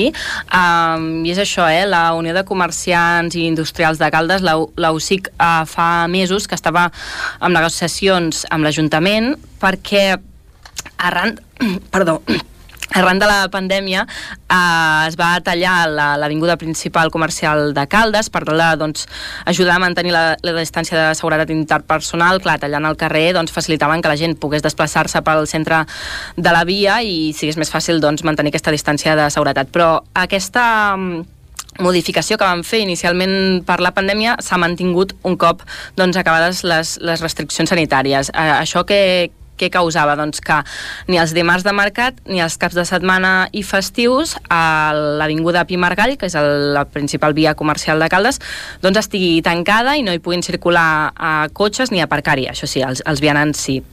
Davant d'això, eh, la Unió de Comerciants es queixava doncs, que havien notat una davallada de les vendes i, i per això, com us deia inicialment, doncs, van començar eh, en converses amb l'Ajuntament per intentar arribar a un acord. Eh, finalment eh, han aconseguit doncs, un punt intermig, diguéssim, i és que es reobrirà el carrer al trànsit de cotxes els dissabtes al matí, fins a les dues. Eh, els comerciants volien que fos obert tot el dia, l'Ajuntament volia que fos tancat tot el dia, i al final han arribat a aquesta decisió intermitja doncs, que, que pot acontentar a les dues parts.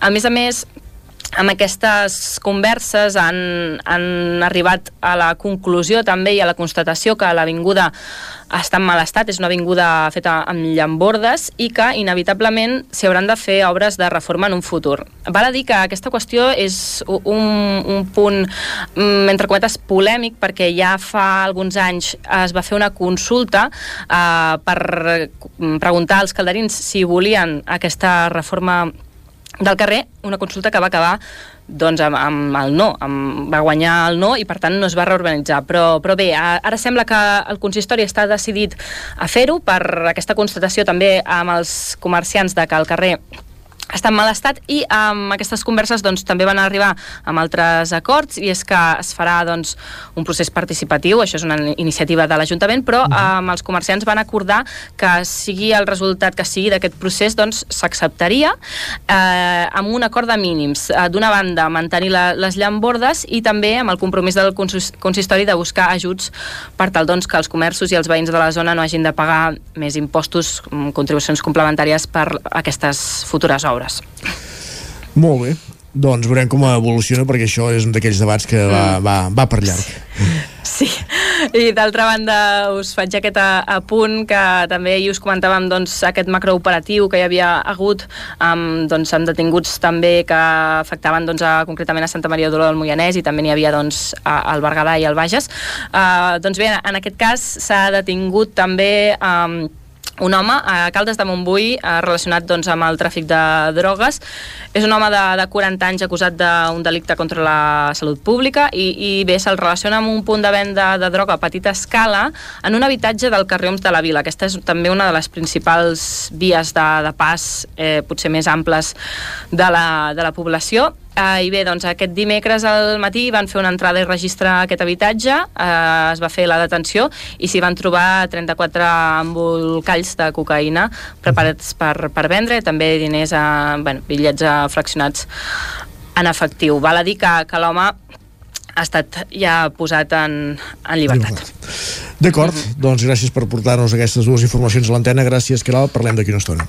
A vosaltres, fins ara. Continuem la taula de redacció, ara, com dèiem, en companyia de Jordi Vilarrodà des dels estudis del 9FM. Jordi, benvingut, bon dia. Hola, bon dia. En el teu cas, per parlar d'excavacions arqueològiques. Doncs sí. Uh... Perquè tenim la muralla, el, al davant de la muralla potes en l'aire, per entendre'ns. Exactament, De Vic. uh, exactament. I per segona vegada en pocs mesos, a més a més, perquè uh, recordem que a, a prop, diguem, d'on comencen les adoberies de Vic, ja fa uns... eh, allà on, diguem, hi ha una de les de les bandes del pont romànic, eh? Correcte. Eh, doncs ja fa uns mesos s'hi van fer unes excavacions abans de, abans de Nadal, concretament, el mes de novembre, i després ara doncs, se n'hi fan unes altres. Què, què està sortint aquí? Perquè tot això va relacionat també amb la reforma de les adoberies que va comprar l'Ajuntament, dels primers edificis que ara s'entrarà ja doncs, en la fase de, de començar doncs, a, a rehabilitar-les i, i va lligat també amb això. I, i s'ha volgut veure doncs, què hi ha sota. Doncs esclar, a sota estan sortint coses interessants. Per exemple eh, qualsevol persona que tingui la imatge del pont romànic de Vic eh, el pont de Caral doncs eh, veurà que per un cantó doncs baixa més que per un altre. Què passa? Aquest pont era, era més, més llarg. Eh, eh, hi ha una part que està tapat. Doncs bé, al fer aquesta excavació ha sortit una, aquesta part que estava tapada del pont. I a més a més han sortit doncs que eh, aprofitant doncs el, el, el, el, diguem, el sota del pont s'havia fet una, una, uh, una clota, que en diuen, de fet era, era un lloc per atuar les pells d'una antiga doberia.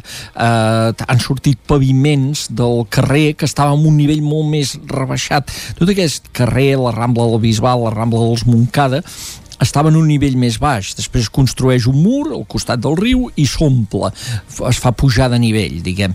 I, I tot això és el que està emergint en aquesta excavació que s'ha estat fent aquests dies. De fet, l'excavació pròpiament ja està acabada i ara què es farà amb tot això? Bé, ara de moment es documenta, que és el que es fa sempre amb les, exposi amb les excavacions, es torna a tapar i després es veurà quina solució se li dona. Mm, segurament molta cosa d'aquesta doncs, continuarà estant sota terra, però eh, si més no ja sabem eh, ara què hi havia no? Sí. I, sí, sí. i, i, eh, i es data, es documenta el que fan els arqueòlegs i després això es deixa doncs, allà sense tocar-ho i preservat però ara d'aquí uns dies o d'aquí unes setmanes poques començarà de fer l'obra de reforma de la Rambla del Bisbat que és aquest tram doncs, que, que arriba justament fins aquí, fins al punt on s'han fet les excavacions.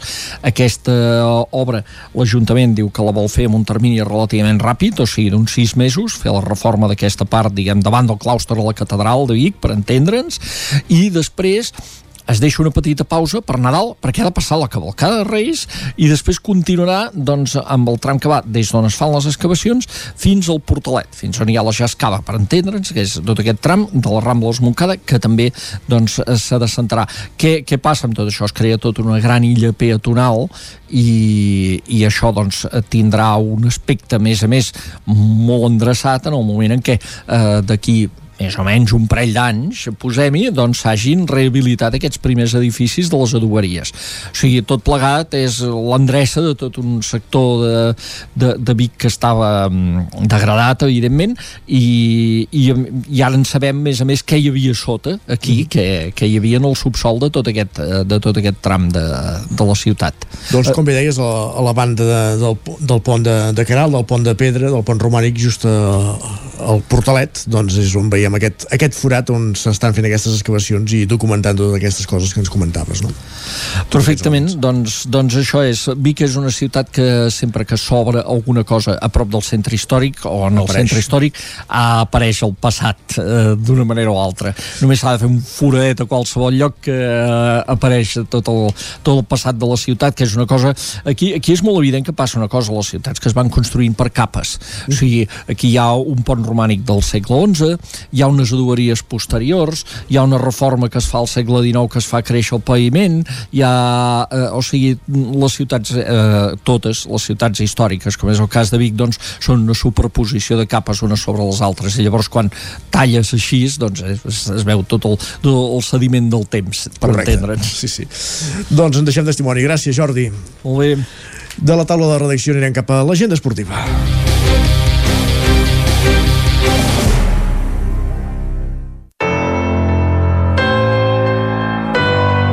Territori, Territori 17. 17. Territori 17.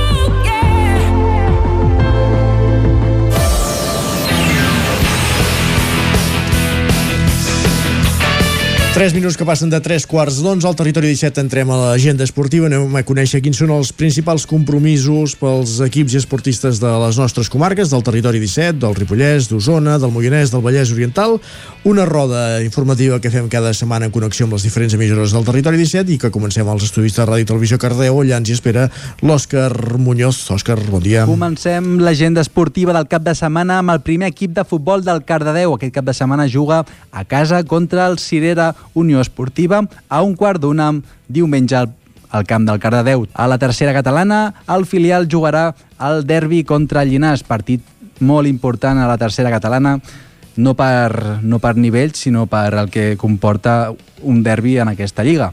Actualment el filial està lluitant per les primeres posicions i el Cal Llinàs doncs, ara mateix està a la tretzena posició. Així que doncs, hi ha molta diferència entre els dos equips, però un derbi és un derbi i sempre hi han sorpreses. El partit serà dissabte a les 5 de la tarda al camp de futbol de Llinars del Vallès. I del futbol aquí a Cardedeu ens en anem a l'embola Granollers. El Franking Balonmano Granollers juga avui mateix a les 8 contra l'Àngel Jiménez Puento Genil. Actualment l'equip eh, està situat a la tretzena posició i el Franking Granollers ja que va guanyar la setmana passada, està a la segona posició. El Franking, que ja sap que no li tocarà al Barça a les semifinals de la Copa Asobal, ja que dijous es va fer el sorteig de la 32a edició de la Copa Asobal i doncs el Granollers jugarà el passi a la final contra el Vidasoa Irún i l'altra eliminatòria serà el Barça i el Logroño, així que doncs, els dos guanyadors arribaran a la final de la Lliga Asobal. I acabem amb les noies del CAC 7 que juguen eh, un partit entre cometes assequible, jugant contra les penúltimes, contra el Balonmano Salut Tenerife, jugant a Tenerife. Això serà dissabte a les 8 del vespre. Doncs eh, queda tot apuntat. Gràcies, Òscar. Parlem d'aquí una estona i el que fem ara és saludar de nou a la Caral Campàs per conèixer l'agenda de l'entorn d'una cotinenca. Sant Feliu, Vigues, sí. Caldes, Moianès... Mireu, començo pel futbol. A segona catalana, després de certificar el seu ascens a primera amb la victòria davant del Cardedeu la jornada passada, alcaldes, els calderins s'enfrontaran al GURB demà dissabte a les 4 de la tarda amb la tranquil·litat de que la temporada vinent doncs, pujaran de categoria. Um, val a dir que el partit d'anada contra el GURB va acabar amb empat a 1 i que és un dels equips força forts de la competició, gairebé empatat a punts amb el Molinos i el Cirera lluitant per la cinquena posició de la classificació. I a tercera catalana, el grup 5, el filial d'Alcaldes es desplaçarà a la pista del Santa Eugènia per disputar dissabte a les 5 de la tarda. Un Caldes que no ha fet una bona temporada i que només ha guanyat un dels últims quatre partits disputats i per la seva banda el Santa Eugènia és quart amb 52 punts.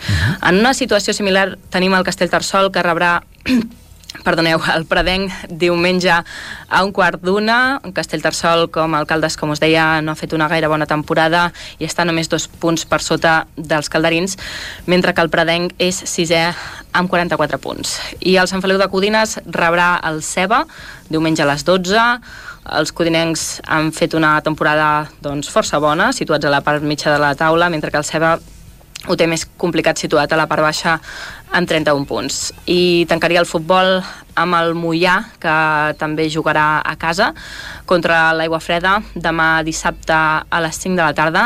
Mollà i Aigua Freda són dos equips amb una evolució similar, situats a prop, a la part tranquil·la de la classificació, per tant es preveu un partit emocionant.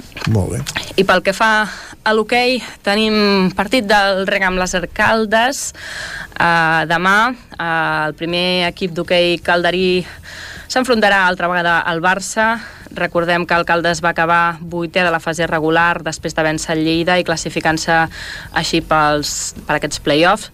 El partit serà demà i bé, correspon al primer encontre dels play-offs que es resoldran al millor de tres partits que, com us deia, eh, jugarà demà a la pista del, del Barça el dia 21 a Caldes i si cal un tercer el 24 de maig un altre cop a, a Barcelona. Uh -huh.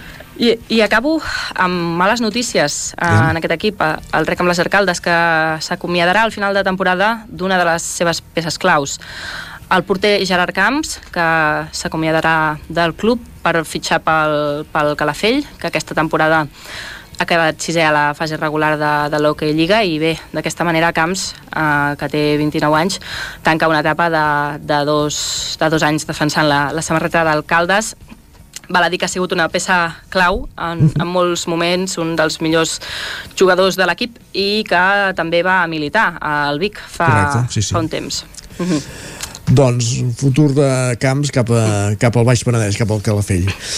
Uh -huh. Moltíssimes gràcies, Caral. No marxis gaire lluny, que t'esperem a les notícies de les 11. Fins ara. Fins ara. Uh, més qüestions, anem cap al Ripollès. Allà ens hi espera l'Isaac Muntades amb, el, amb l'agenda del Ripollès. Des de la veu de Sant Joan, Isaac, bon dia. Bon dia, bon dia.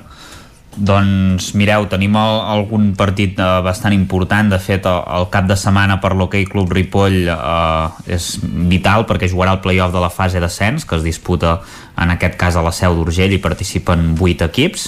Ja per pujar doncs, a, a la categoria de nacional catalana. Recordem que el Ripoll està ara mateix a la primera catalana i jugarà la primera ronda el primer partit contra l'Hockey Club Valls. Això serà el dissabte en l'últim torn a les 6 de la tarda Uh, i en cas de superar aquesta eliminatòria el partit definitiu per l'ascens seria diumenge contra el guanyador del Farners Cadí.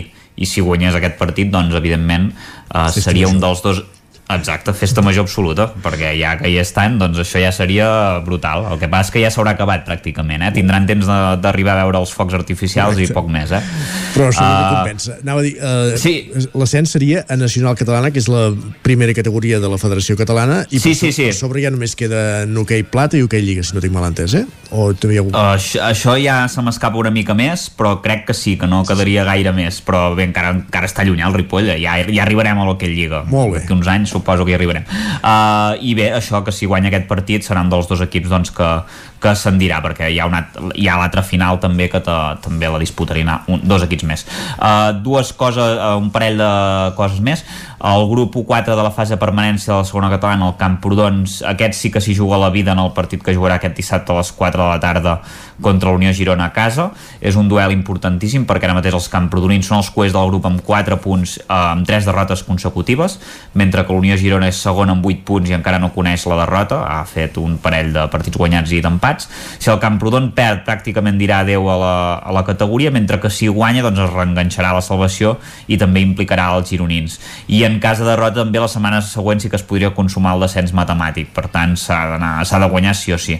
Uh, pel que fa al grup 19 de tercera catalana de futbol, la Badesenc vol recuperar sensacions després de la derrota al camp del líder, el gironès Sàbat, i els Sant Joanins rebran el Vilabreig aquest dissabte a les 4 de la tarda, són setens amb 47 punts i necessiten la victòria doncs, per quedar el més amunt possible de Lliga. Per la seva banda, el Vilabreig és 11 amb 29 punts i ja té la, la salvació a tocar després de 5 partits invicta amb, amb 4 victòries.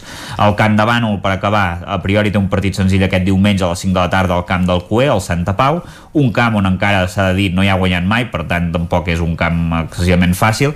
Els campdenolencs són cinquens amb 49 punts i venen de patir doncs, una derrota dolorosa mentre que el seu rival en té 20 i s'hi està jugant el descens perquè només ha guanyat un dels últims 5 partits, per tant també partit dramàtic eh, en aquest cas per al conjunt local. Perfecte, gràcies, Isaac. No sé si has fet ja números dels anys que li faltarien al Ripoll per arribar a l'Hockey Lliga.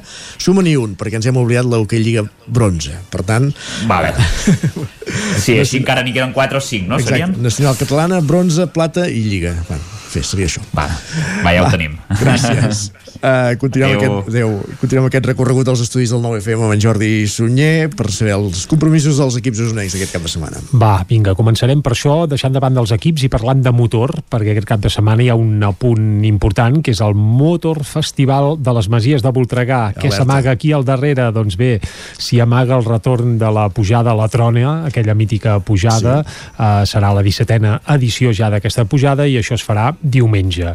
Però si parlen de festival és perquè per amenitzar la pujada a la Trona, dissabte s'han inventat un altre rally, un rally sprint, amb sortida també des de les Masies de Voltregà, que també es farà pels voltants doncs, d'aquesta d'aquesta zona. Per tant, cap de setmana de motor, en aquest cas el Voltreganès. I ara, si anem a parlar d'hoquei, no ho farem del Ripoll ni de les seves possibilitats de, Descens. pujar a l'hoquei Lliga, perquè Ara això... mateix nacional catalana. Sí, jo crec que ho tenen, ho tenen complicat, uh, però vaja, parlarem de l'hoquei Lliga, que bé, l'any vinent només hi haurà un equip usonenc. A l'hoquei Lliga, serà el Voltregà, que és l'únic equip que per cert juga, és a dir, l'hoquei Lliga ja s'ha acabat, però hi ha un play-off per decidir qui és el novè i desè de l'hoquei Lliga. Això de cara a la- a la- a sí, l'ascens, clar, el no? que quedi novè té plaça europea, diguem que pot jugar la, ara no sé com es diu, la, la, La- la, la CERS, CERS, però no és la CERS, és sí, la- li, li han canviat el nom tants cops, però bueno, perquè ens entenguem, la UEFA de l'hoquei patins, doncs això, qui quedi novè de l'hoquei Lliga s'hi classifica i aquesta plaça se la disputen en un play-off l'Igualada i el Voltregà. El partit d'anada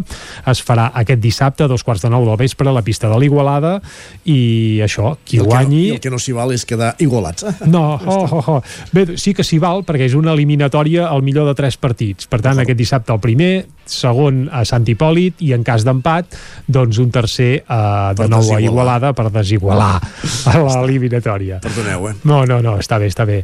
Vinga, uh, en canvi el Taradell no disputarà el play-off d'ascens a Hockey Lliga. Uh, el cap de setmana passat va perdre les opcions. Recordem que l'Hockey Lliga Plata, Mhm. on hi ha el Taradell i el Vic, doncs l'any que ve continuaran jugant-hi el Taradell i el Vic. I hi haurà també el Manlleu.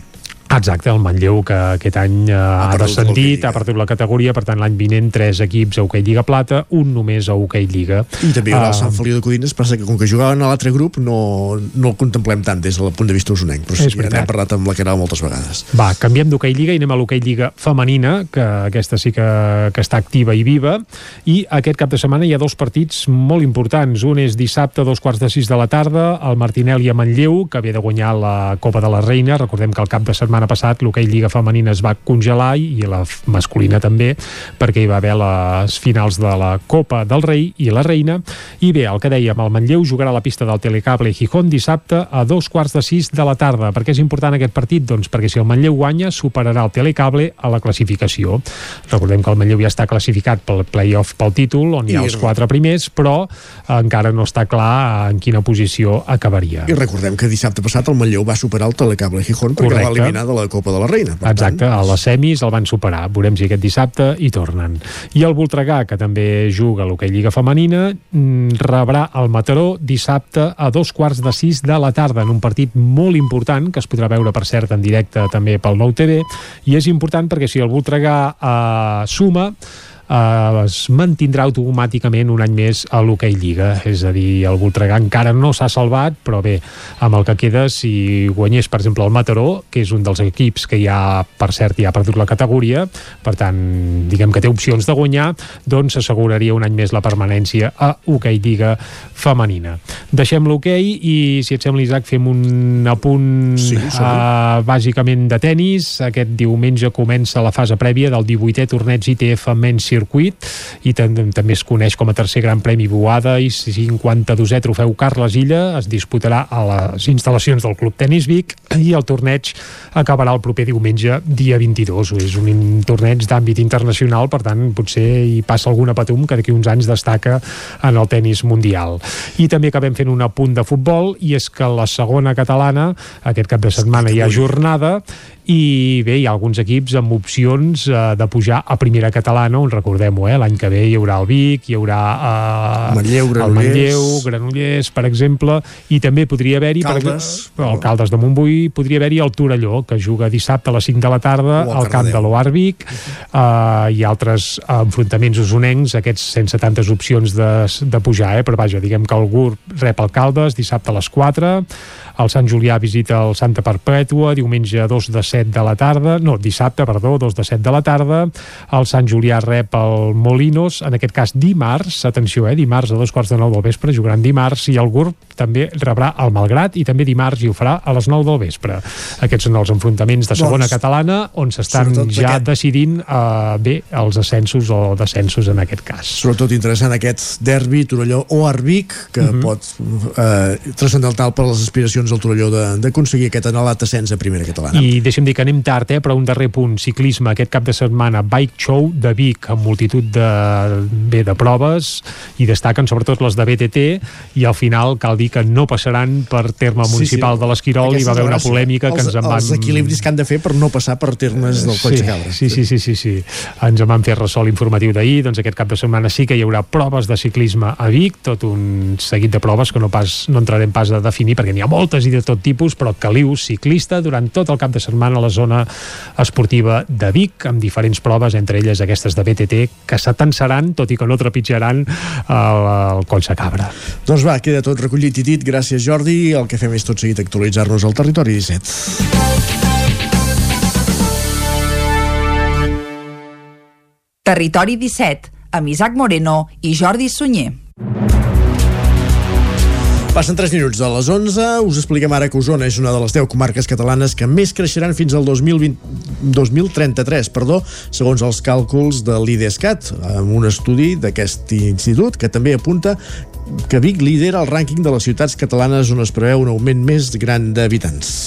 Osona i el Ripollès arribarien l'any 2033, és a dir, falten uns quants dies aquí eh, per arribar-hi, però arribarien als 176.390 habitants en el cas d'Osona i 25.548 en el cas del Ripollès. Aquestes són les xifres que es desprenen de les projeccions de població municipals que elabora l'Institut d'Estadística de Catalunya, l'IDESCAT, basant-se en els habitants del 2018. D'aquesta manera, Osona seria la novena comarca catalana que més creixeria, mentre que el Ripollès ocuparia la 31a posició. Si ens centrem en xifres d'àmbit municipal, a Osona Sobremunt és el poble que més creixeria. De 94 habitants eh, arribaria, volem dir, a 94 habitants, quan ara mateix en té 78. En números absoluts, però, qui creixeria més és Vic, i a més a més lideraria el podi perquè arribaria als 54.820 habitants, 7.500 més que els que té eh, o els que tenia l'1 de gener de 2021. Però Vic no només estaria al capdavant en l'àmbit comarcal, sinó que també seria una de les 25 ciutats més poblades de Catalunya que més creixeria. Pel darrere hi tindria Castelldefels i Terrassa. El municipi d'Osona que perdria més població seria el Pens, passaria dels 269 habitants que tenia el 2021 als 209. En números absoluts parlaríem de Masies de Voltregà, que perdria 253 habitants de, respecte als 3.178 que tenia el 2021. El Ripollès, Campelles, és el municipi que creixeria més. Arribaria als 186 habitants, un 24,8% més dels que té ara mateix. En números absoluts, la capital del Ripollès també creixeria força. Ripoll arribaria al 2033 als 11.039 habitants, amb una variació del 2,9% respecte als que té ara mateix. Aquestes xifres, segons apunten des de l'IDESCAT, haurien de permetre ajuntaments i a consells comarcals orientar les polítiques relacionades amb educació, transport i sanitat, entre d'altres. Més qüestions, un dijous més, el, un dijous al mes, la xarxa d'aliments de Cardedeu dona menjar fresc a persones de Càritas de Cànoves i també de Cardedeu. Van començar amb la pandèmia, cosint mascaretes i ara han creat una entitat per repartir aliments frescos a les famílies més necessitades. Núria Lázaro, Ràdio Televisió Cardedeu. A Cardedeu, durant la pandèmia, un grup de persones es va organitzar per cosir mascaretes i bates pels hospitals i centres sanitaris. Es va confeccionar així la xarxa de suport mutu de Cardedeu. Amb el temps i les escoles també van notificar una manca de fruites i verdures en l'alimentació de nens i nenes. Així va néixer la xarxa d'aliments, un sistema per poder repartir aliments frescos a famílies que van a recollir-ne a Càritas un cop al mes. Agnès Ribas, voluntària de la xarxa d'aliments de Cardedeu. nosaltres vam començar amb, el, amb aquesta problemàtica quan va començar el Covid i tota la pandèmia i bueno, la nostra intenció va ser seguir mentre va ser el Covid però quan es va acabar tot el tema de la pandèmia o, o, bueno, o, o quan ha anat millorant el tema de la pandèmia perquè encara no hem acabat doncs ens vam donar compte que la nostra funció encara era necessària. I aleshores el que vam fer com grup de persones voluntàries és fer una associació perquè era una cosa molt important per a una forma legal i perquè aquesta gent fa molt temps, bueno, les famílies necessitades de Cardeu i Cànoves, perquè també ajudem a famílies de Cànoves, eh, solament tenen ajudes d'una altra entitat un cop al mes amb, amb fruites i verdures i vam pensar això, no? perquè ens trobem en famílies amb nadons i clar, no pots fer una papilla amb un nadó un cop al mes han de tindre verdura fresca i, i tot. Llavors vam començar al principi fent un cop a la setmana, o un cop cada setmana, però aleshores sí que vam veure que això era massa i aleshores fem, nosaltres ho donem cada 15 dies, o sigui, 15 dies després que l'altra entitat ho dongui. Un dijous al mes voluntari es recullen els aliments de botigues i establiments del municipi. Acostumen a fer 60 lots amb producte fresc que per la tarda recullen famílies d'un i fins a 8 membres a l'esbarjo de Cardedeu. Totes les persones que vulguin poden ajudar amb diners a les guardioles que trobaran a diversos comerços de la vila. Ara que s'han constituït com a entitat, ho poden fer també fent-se socis aportant una quantitat de diners cada 3 mesos. Més qüestions. Aquest diumenge Sant Feliu de Codines acollirà la 26a edició de la Fira del Rellotge. A partir de les 9 del matí, la plaça Josep Humbert Ventura acollirà diferents parades i el Museu del Rellotge obrirà una mostra de cronòmetres.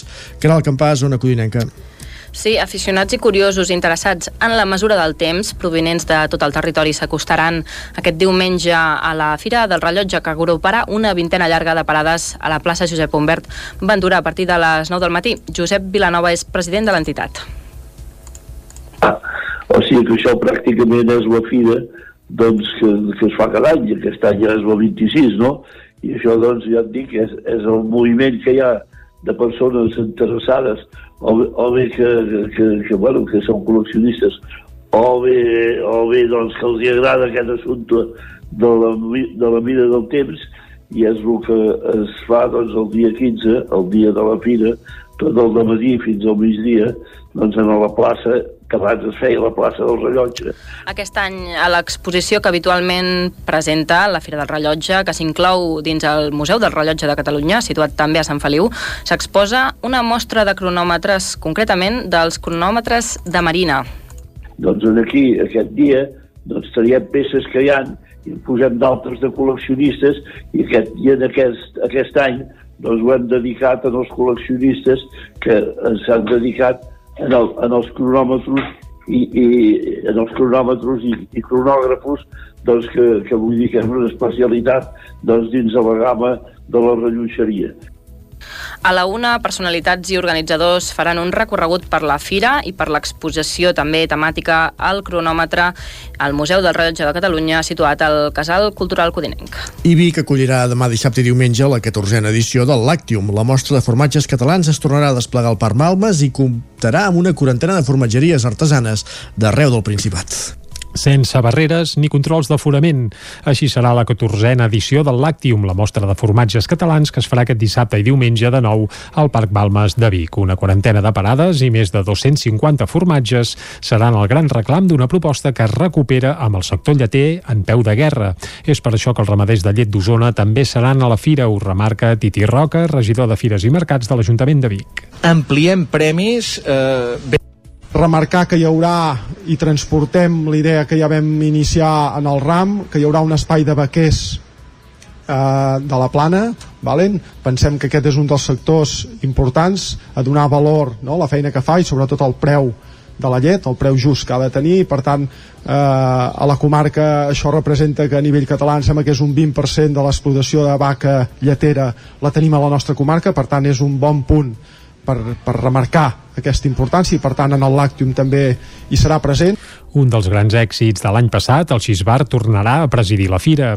També hi haurà l'aula del formatge i el tradicional concurs Lactium que escollirà el millor formatge català del 2022. Aquest certamen torna després de dos anys de pandèmia i recuperarà les deliberacions de la Casa Ricard. Ho explica el director del Lactium, Isaac Gelabert. Ampliem premis. Eh, bé, això respon a, a una demanda de, del sector, una cosa que feia temps que ens demanava el sector, eh, és que les, les medalles, els premis ajuden eh, a, a, a posicionar i a vendre formatges. Nosaltres sempre havíem fet només horts i aquest any hem incorporat, és a dir, en aquelles categories que hi hagi més de 12 formatges hi hauran plates també, vale? atenent a un, a un criteri lògic i just eh? de dir, ostres, si hi ha molts formatges poden haver més premis, que no se'n quedin i aquelles categories que superaran els 24 formatges, les 24 mostres hi haurà or, plata i bronze. La formatgeria Galmesan d'Arzua, de Galícia, serà la formatgeria convidada per a l'edició d'enguany. Per l'escenari del Lactium, anomenat Cheese Arts, que s'ubicarà al mig del Parc Balmes, també hi passaran, entre d'altres, el trio Marala i el cantautor Cesc Freixes. Esports. I a la pàgina esportiva us expliquem que l'esquiadora de Ribes de Freser, l'esquiadora olímpica de Ribes de Freser, Núria Pau, es retira de l'esquí de competició amb només 28 anys. Isaac Muntades, la veu de Sant Joan. L'esquiadora de Ribes de Freser, Núria Pau, va decidir retirar-se de l'esquí de competició després de fer-ho públic en un comunicat a Instagram. Pau fa poc va participar per primera vegada en uns Jocs Olímpics d'hivern a Pequín, on va acabar quarantena a la primera màniga i va caure a la segona quan intentava classificar-se entre les 30 millors del món. Tot i estar en el millor moment de la seva carrera esportiva, la ribetana penja els esquís amb només 28 anys en una decisió que li ha costat molt de prendre. En el comunicat, Pau es mostrava tranquil·la sabent que ho havia donat tot i que sempre ha perseguit els objectius que s'ha imposat, tot i les dificultats que ha tingut. L'esportista ribetana va anunciar que no s'acomiadava del món de la neu i que hi seguiria vinculada d'alguna manera. També va agrair a tothom que l'ha ajudat en tot aquest temps. Pau tindrà un comiat a principis de juny a Ribes de Freser en un acte on l'acompanyaran totes les persones que li han donat suport al llarg de la seva carrera esportiva i l'han ajudat a participar en uns Jocs Olímpics, el seu somni des de petita. La decisió de l'esquiadora de l'equip Fasto la Luz va agafar una mica tothom per sorpresa, ja que només un dia abans d'anunciar-ho havia participat en una roda de premsa de la Federació Catalana d'Esports d'Hivern per manifestar el seu suport a la candidatura dels Jocs Olímpics d'Hivern 2030 a Barcelona-Pirineus. Ella va aprofitar per explicar com és de difícil arribar a participar en uns Jocs. A nivell esportiu,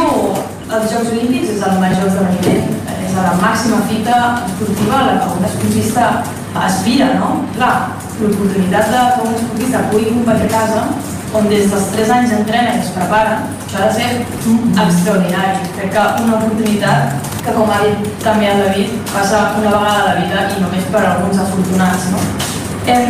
Parlar dels Jocs Olímpics és parlar de valors, és parlar de sacrifici, és parlar de, de compromís, de, de treball en equip, però jo personalment ara m'explicaré la, la travessia del desert que, que he hagut de fer per participar en aquests Jocs Olímpics de, de Pequín aquest any, eh, lesions, pandèmies, eh, viatges en solitari, pagats a la meva butxaca, problemes econòmics, però també també solidaritat, també compromís de la gent del meu poble, de Ribes de Freser, dels meus amics, dels meus sponsors, de tothom que ha fet possible, a banda d'allò, que jo pogués arribar a aquesta fita, no? Pau també apuntava que les muntanyes del Pirineu no tenen res a envejar les de la resta del món i que serien una campanya publicitària impressionant per donar a conèixer el territori. També va dir que serien un gran impuls per l'esport base de tecnificació i professional i per revitalitzar el territori. Encara que aquesta candidatura guanyi ja sembla improbable que Pau hi participi després d'aquesta retirada. Pau ha tingut dues temporades molt bones, sobretot després de la pandèmia. Va afrontar la temporada a l'elit de l'esquí alpí mundial amb recursos privats i va ser vuitena a la Copa d'Europa d'Àndalo, quedant primera a la segona màniga, entrant dins del top 30 en la primera màniga dels Mundials de Cortina, classificant-se dins dels tops 30 pràcticament en totes les últimes Copes d'Europa i obtenint la 36a posició a la Copa del Món d'Eslovàquia. La temporada 2021-2022 la va començar recuperant-se d'una lesió on se li va sortir l'espatlla i es va trencar el nas i després de 5 mesos de recuperació i de tornar a esquiar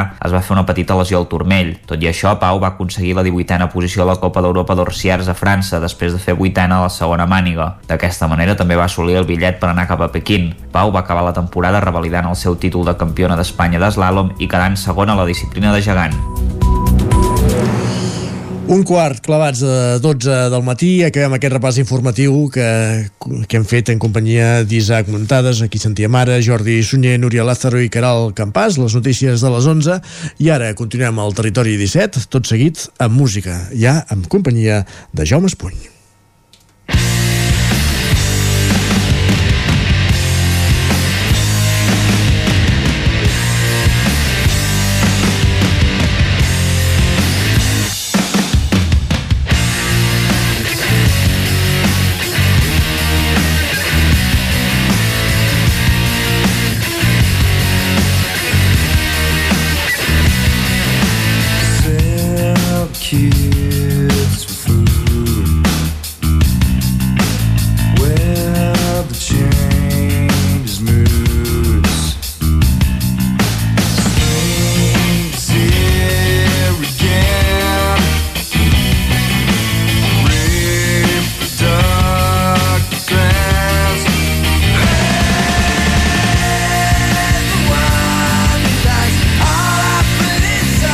Jaume Espuny, bon dia. Bon dia.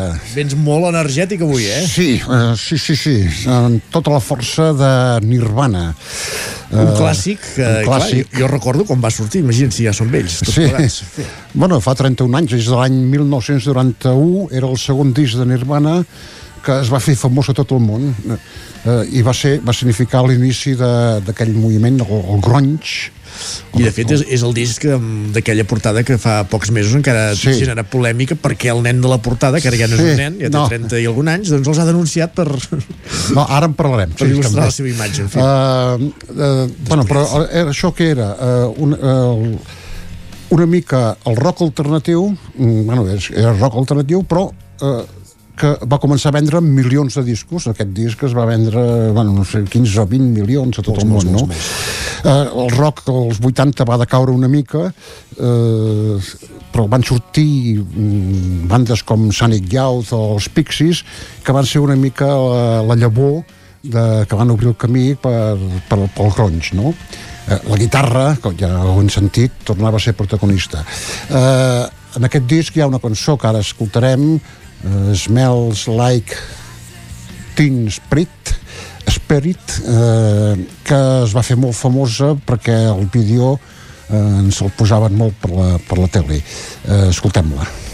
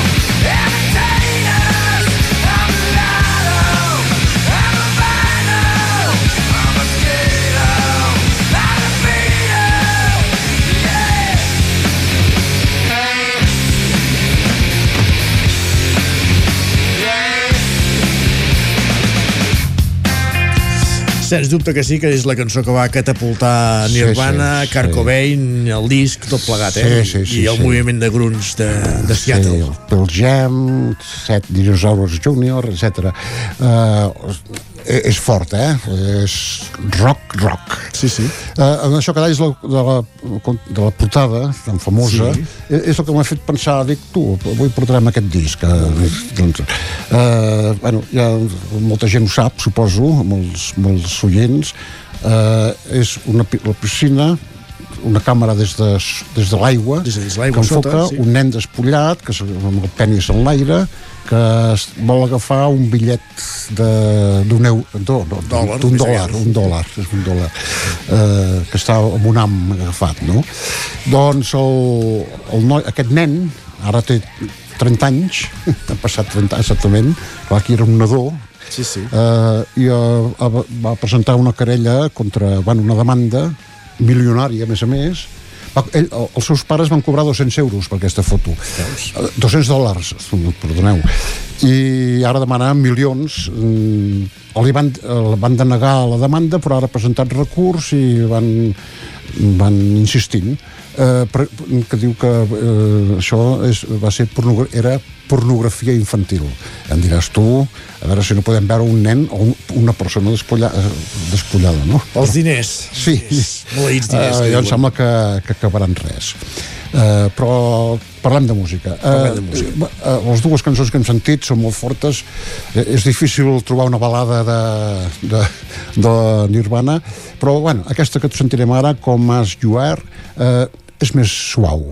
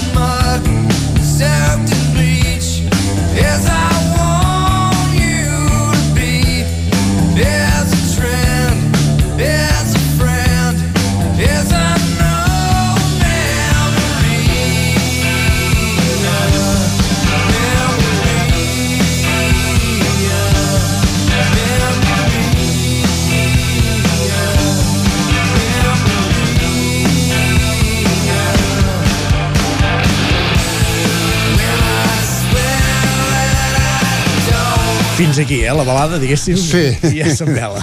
No, no es poden estar quiets. Uh, el, És impressionant el baix d'aquesta cançó, eh? El baix, sí.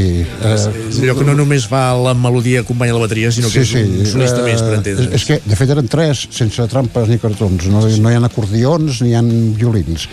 Uh, tot com una cançó de per què hi ha violoncels guitarra del Kurt Cobain, baix i bateria.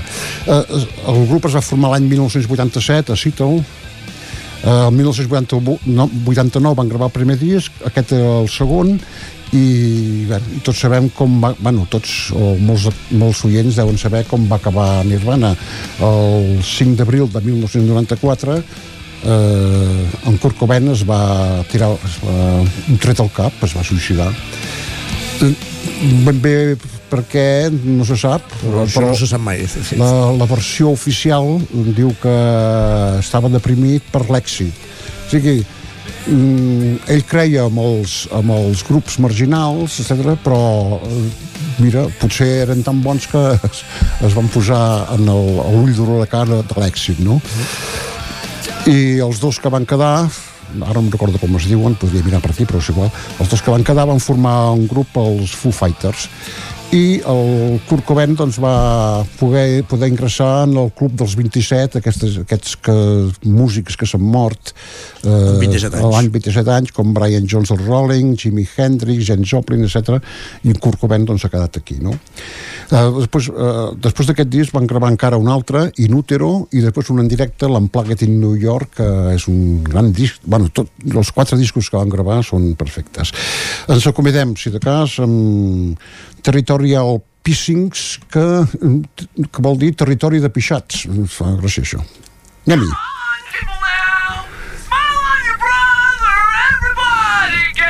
Doncs amb Nirvana acabem avui aquesta secció de clàssics musicals, Jaume, i ens retrobem la setmana vinent. Molt bé. Fins divendres, adeu-siau, bona divendres. setmana.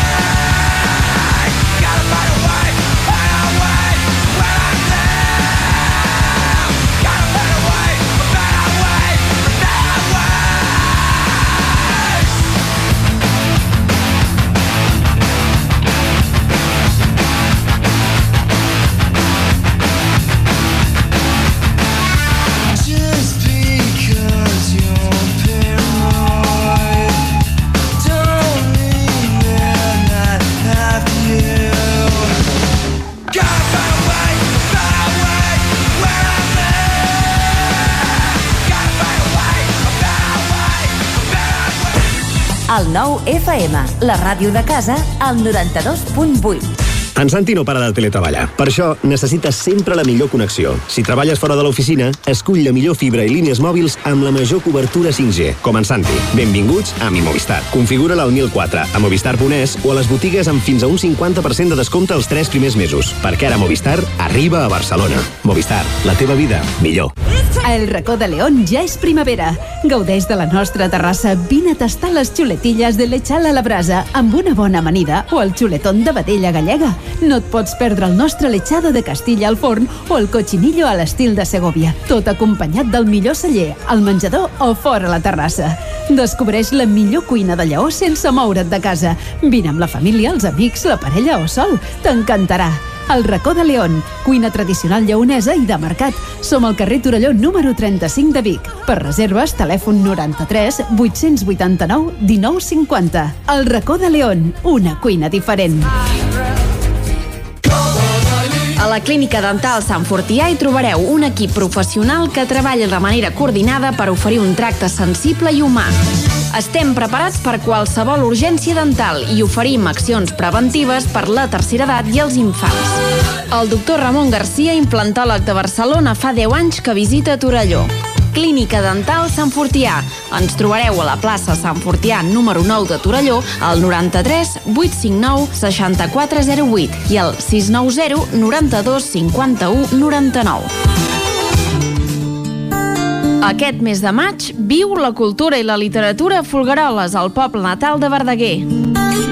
Del 13 de maig al 12 de juny, la Festa Verdaguer et porta conferències, rutes literàries, xerrades, concerts i actes populars d'homenatge al poeta. No et perdis Arnau Tordera amb el juglar a l'església de Folgueroles, la primera mostra de glosa o el tradicional arbre de maig i els ballets i danses tradicionals. Consulta tots els actes a verdaguer.cat. Cocodril Club. Si t'agrada la bona música dels anys 60, 70 i 80, escolta el 9 FM als matins de dissabtes i diumenges d'11 a 1. És el temps del Cocodril Club, tot un clàssic de la ràdio, amb les bases del pop-rock, les llegendes, les cançons que s'han convertit en autèntics himnes. Recorda, dissabtes i diumenges al matí, d'11 a 1, al 9 FM 92.8. Cocodril Club, el programa revival de l'Albert Malla. Hasta luego, cocodrilo. Anuncia't al 9FM. La màquina de casa. 9 3 8 8 9 4 9 4 9. Publicitat arroba al 9FM.cat. Anuncia't al 9FM. La publicitat més eficaç. Territori 17. A Tren d'Alba. Cada dia els usuaris de la línia R3 de Rodalies que veuen sortir el sol des d'un vagó ens expliquen les gràcies i les penes del primer comboi que uneix Ripoll i Barcelona. Benvinguts a Tren d'Alba. Avui us deixo directament amb la Glòria Francolí. Hola, molt bon dia. Aquí la Glòria des de l'R3. Avui el tren que ha sortit a les 17 i 31 minuts de Sants ha arribat a Torelló amb uns 10 minuts de retard com ja sabem són habituals. Avui us volia parlar dels nous horaris després de l'estació de Vic. Fins a Vic s'ha de reconèixer que són molt bons horaris, suposo que ja ho haureu vist, però de Vic en amunt la veritat és que hem perdut algun tren que ens anava molt bé, que era més ràpid. Què vull dir amb això? Doncs que, per exemple, hi havia el tren de les 5 de la tarda, o el tren de les 2, o el tren de les 3, que eren uns trens sem semidirectes, que arribaves a Torelló amb una hora i 19 minuts, i ara tots aquests trens, normalment el que passa és que arriben fins a Vic i prou, i llavors nosaltres hem d'agafar eh, el de dos quarts, per entendre'ns, i ens deixa Torelló més tard. La mitjana dels viatges és d'una hora 40 minuts, més o menys, oficialment. Llavors sempre s'hi ha de sumar el retard. O sigui que, mm, si bé és veritat que ara hi ha cadència i que sabem que tots els trens sortiran de l'estació de Sants a dos quarts, més o menys, eh, hem perdut en, en durada de, de trajecte i en alguns casos hem, hem guanyat fins a 20-30 minuts de viatge. Bé, això ja ens ho van advertir cada vegada que vam anar a territori que demanàvem doncs, una cadència i que els horaris fossin una mica més lògics, ens van advertir que, que es podia guanyar amb temps de viatge. Però, clar, una cosa és que t'ho adverteixen, l'altra cosa és que vegis que els trens que tu agafes, que tardes una hora i 20 minuts, eh, se t'hagin allargat 20 minuts. Suposo que no tenim més remei que acceptar-ho, perquè sí que és veritat que fins a Vic els horaris han millorat moltíssim, la freqüència també, i per tant entenc que ho hem de veure com un mal menor. Però us he de dir que dol veure que el tren de les 3 i de les 5 es para a Vic. Això dol molt. Vinga, que acabeu de passar tots molt bon dia. Sí, realment uns n'han sortit molt beneficiats, només cal escoltar en Jordi Valls de Centelles, i d'altres molt perjudicats, com ens explicaven Carles Bassaganya o la Laia Capdevila de Sant Joan de les Abadeses. I després hi ha la Glòria, que viu a Torelló, i per tant, si més no, pot anar-hi amb algun tipus de transport fins a l'estació o a casa, i no hi té tanta estona. Però bé, és complicat igualment. Va, ens retrobem dilluns amb més històries del tren i de l'R3. Territori 17 El 9 FM, la veu de Sant Joan, Ona Codinenca, Ràdio Cardedeu, Territori 17.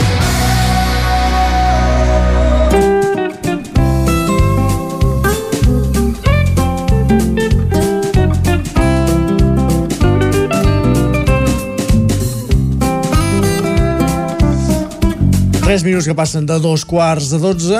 Aquesta és la sintonia de l'agenda d'actes de, de cap de setmana. El, la secció amb la qual tanquem cada divendres al territori 17. Avui fem un, un híbrid, un replantejament de tot plegat per qüestions d'agenda.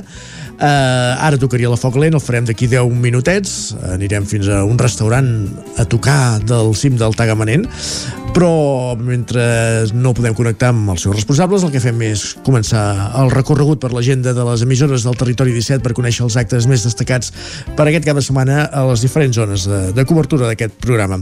I comencem aquesta agenda als estudis de Ràdio Televisió Cardedeu s- saludant altre cop l'Òscar Muñoz. Bon dia de nou. A Cardedeu avui mateix comença la Fira de Sant Isidre, ja com vam parlar dimecres a l'entrevista, el bestiar, l'espai d'agroecologia, la mostra gastronòmica i la zona d'entitats i de comerç són protagonistes d'una programació farcida d'activitats. La inauguració tindrà lloc avui a les 7 del vespre amb la presència d'en. El passeig del mestre Alexandri serà, com és tradicional, l'espai d'exposició de bestiar de raça, aquí boví, porcí i diferents espècies. A l'espai agroecològic, ubicat al Parc de Pompeu Fabra, serà l'escenari on es podran trobar els productors i productores locals. També s'han programat diverses activitats i xerrades. Les entitats i xarxes de comerç de Cardedeu estaran ubicades al lateral de la pista coberta del Parc Pompeu Fabra i també doncs, han organitzat diferents activitats, diverses activitats durant el, aquests quatre dies i d'entre elles no hi faltarà el 28è concurs mundial de menjar borregos, així que tothom, tothom que tingui més de 16 anys i vulgui venir a Cardedeu diumenge, doncs podrà doncs, participar en aquest concurs mundial de borregos, que si t'agrada menjar, doncs és el teu concurs, a dos quarts de vuit al lateral de la pista coberta. Ara ens anem a Granollers, on avui mateix hi haurà el mercat d'artesans durant tot el dia a la plaça de la Corona. I dissabte doncs, ja començaria el gruix de mercats als encants solidaris de l'Assemblea d'Aturats a la plaça de Can Trullàs, al mercat de Brocanters a la plaça Josep Maluquer i Salvador, al mercat artesà de productes naturals a la plaça de les Olles, al mercat de productes ecològics i de proximitat a la plaça de la Corona, i després ja sortim de les places i anem als carrers. Al carrer amb cel claver hi haurà el mercat d'artesans durant tot el dia de 9 a 9 i a l'Avinguda Tres Torres hi haurà el mercat de reciclatge i d'ocasió. Tots aquests mercats comencen a les 9 i després, doncs, dissabte també comença a les 11 el Cabana Market, una mostra d'artesania per joves, feta per joves, a la plaça de l'Església, i això serà a l'aire lliure per tots els públics amb parades d'artesania, productes diversos, food trucks, accions solidàries i actuacions de joves en directe. Diumenge, per acabar a Granollers, hi haurà el mercat de segona mà al Parc de Ponent. Perfecte, Òscar, gràcies, bon cap de setmana. Continuem aquest recorregut dels estudis d'Ona Codinenca amb la Caral Campàs. Caral. Hola, mireu, començo per Caldes de Montbui. Aquí hi han dues activitats. Una és la Fira d'Antiquaris i Brocanters del mes de maig, que serà diumenge, i se celebrarà a l'Avinguda Pimargall, que bé que seguirà tallada els diumenges, eh, i les pradetes es posaran doncs, a, al mig de, de la carretera. Eh, després, a, aquí a Caldes, també tenim aquest dissabte a la tarda una de les dues escoles públiques eh, més importants del poble celebra el seu 50è aniversari. És eh, l'escola Alfarell i faran dissabte a la tarda una activitat oberta a tothom qui vulgui assistir amb activitats infantils a partir de dos quarts de set de la tarda i a concert a partir de dos quarts de nou del vespre. Després a Vigues i Riells del FAI tenim una rèplica d'aquesta iniciativa que s'està realitzant a diferents poblacions, el Let's Clean Up Europe, serà dissabte a Vigues, a la plaça Miquel Bosch, a partir de les 10, i bé, animen, animen a tothom des del consistori a participar en la neteja doncs, d'un espai del municipi que, que encara no han, no han concretat. Uh, després també tenim aquí a Vigues una activitat esportiva i és en motiu del 150 aniversari del naixement de Francesc Maspons i Anglasell, eh, que bé, que cada un cop al mes, com bé recordeu, doncs, proposen rutes pels entorns de Vigues i Riells del FAI.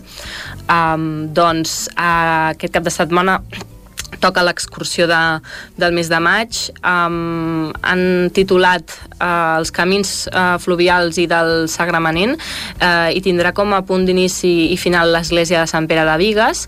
Uh, L'hora de trobada és entre dos quarts de vuit i les vuit del matí uh, i bé, és un recorregut de 10 quilòmetres amb uns 300 metres de desnivell i es preveu que, que la durada sigui d'entre unes 3 o 4 hores. A més, en comenten que han avançat l'hora d'inici de la ruta, que habitualment era més tard per tal d'evitar les hores de màxima calor, que sembla que, que ja estan arribant. Uh, me'n vaig a Sant Feliu de Codines, aquí tenim aquest diumenge la Fira del Rellotge. Serà de 10 del matí a 2 amb una vintena de parades llarga a la plaça Josep Humbert Ventura i a més a més el Museu del Rellotge um, doncs, oferirà una exposició, una mostra especial en aquest cas dedicada als cronòmetres. L'any passat, perdó, l'any passat no l'última edició que no va ser l'any passat va ser fa uns mesos. Um, era sobre els rellotges de butxaca i aquesta és sobre els cronòmetres. Um, tancaria aquesta agenda d'oci parlant de, del Moianès. Um, aquí tenim dissabte dues activitats, una granera i l'altra l'estany. La de granera és potser més d'àmbit històric i és una visita guiada a les pintures romàniques de l'ermita de Santa Cecília de Granera um, a les 12 del matí al Casal i a l'estany hi ha una xerrada amb Pere Tantanyà que han titulat Sopa de Pedres a les 12 del migdia a la Casa de la Cultura i us comento també una proposta esportiva que tenim a Castellcí, un torneig de tenis taula eh, que serà de 9 a 1 I acabo amb un apunt més cultural, bé, mm, que no sé si ho vaig comentar dimecres, i és que hi ha una nova actuació en el marc del cicle de joves talents Maria Vilardell Vinyes. Serà dissabte a les 6 de la tarda a l'Auditori de Sant Josep de Mollà amb Carlos Bujosa al piano. Perfecte. Doncs, Caral, no marxis gaire lluny, que després tenim No una cita a la Foc Lent, però mentrestant sí. el que fem és saludar l'Isaac Muntades des de la veu de Sant Joan. Isaac, benvingut, bon dia. Hola, de nou. Eh, agenda del Ripollès. Va, som-hi. Comencem a Sí, desgranar de, de fet, eh, sobretot ens centrarem en la festa major de Sant Eudal, que ja vam parlar una mica musicalment l'altre dia, ja us vam explicar que tenim el plat fort dels mojinos escocios avui a, a l'Alir, però ens centrarem una mica en les activitats del cap de setmana. Eh, aquest dissabte, per exemple, hi haurà una taula rodona de l'impacte del col·lectiu LGTBIQ+, amb col·lectius feministes i que reivindiquen els drets LGTB. Això serà a la plaça de Sant Eudal, a les 11 del matí. A l'espectacle també tindrem l'espectacle itinerant del Circ Petit de Fadonito, que començarà a dos quarts d'un al centre de la vila. Tindrem sardanes amb la principal de la Bisbal i la Copla dels Mongrins a la tarda. També hi haurà l'espectacle dels Atrapasomnis eh, de caire infantil i un monòleg d'humor de Guillem Estadella a les 6 a la plaça de l'Ajuntament. I al vespre, doncs, l'onzè sopar dels Valents, el Correfoc i també el plat fort de, del cap de setmana, que seria el grup valencià Smoking Souls. Uh, el diumenge ja serà un dia més uh, tranquil, en certa manera, perquè hi ha menys activitats, però també són uh, molt tradicionals. Hi haurà el, la típica uh, tornaboda i arrossada popular a la Font del Tòtil al migdia, i també tindrem doncs, el, el Miquel del Roig, que també amenitzarà una mica la vetllada, i a la tarda ja serà tot més tradicional doncs, amb, la, amb la dansa dels clavells a la plaça de l'Ajuntament a les 5 de la tarda i el Castell de Focs eh, per acabar doncs, la, la festa major. Aquests serien una mica els actes, podríem dir, més, més destacats sobretot del cap de setmana. Uh, un apunt que ja m'ha explicar, uh, canviant totalment de tema ara, a l'informatiu, a Sant Joan de les, de les Abadeses aquest dissabte a les 6 de la tarda al Palau de l'Abadia es farà la presentació d'aquest 62è volum dels anals de l'Institut d'Estudis Gironins a càrrec de Narcís Soler, que també comptarà amb una conferència de Joan Ferrer, que ens parlarà doncs, sobre allò que, que comentàvem de l'església parroquial de Sant Pol i de l'últim retaule de l'altar major, i per acabar, a Can Demano hi haurà una sortida per descobrir el patrimoni natural del poble, que això serà aquest dissabte a partir de dos quarts de cinc de la tarda, que es visitarà l'antiga parròquia de Sant Martí d'Armàncies, entre, bueno, i són 7 quilòmetres, eh, 3 hores de durada i uns 350 metres de desnivell, per tant, força assequible. Perfecte, Isaac. Doncs moltíssimes gràcies i bon cap de setmana també. Igualment, merci. Tornem dilluns. Repassada l'agenda del Ripollès, el que fem ara sí és anar cap a la Foclent.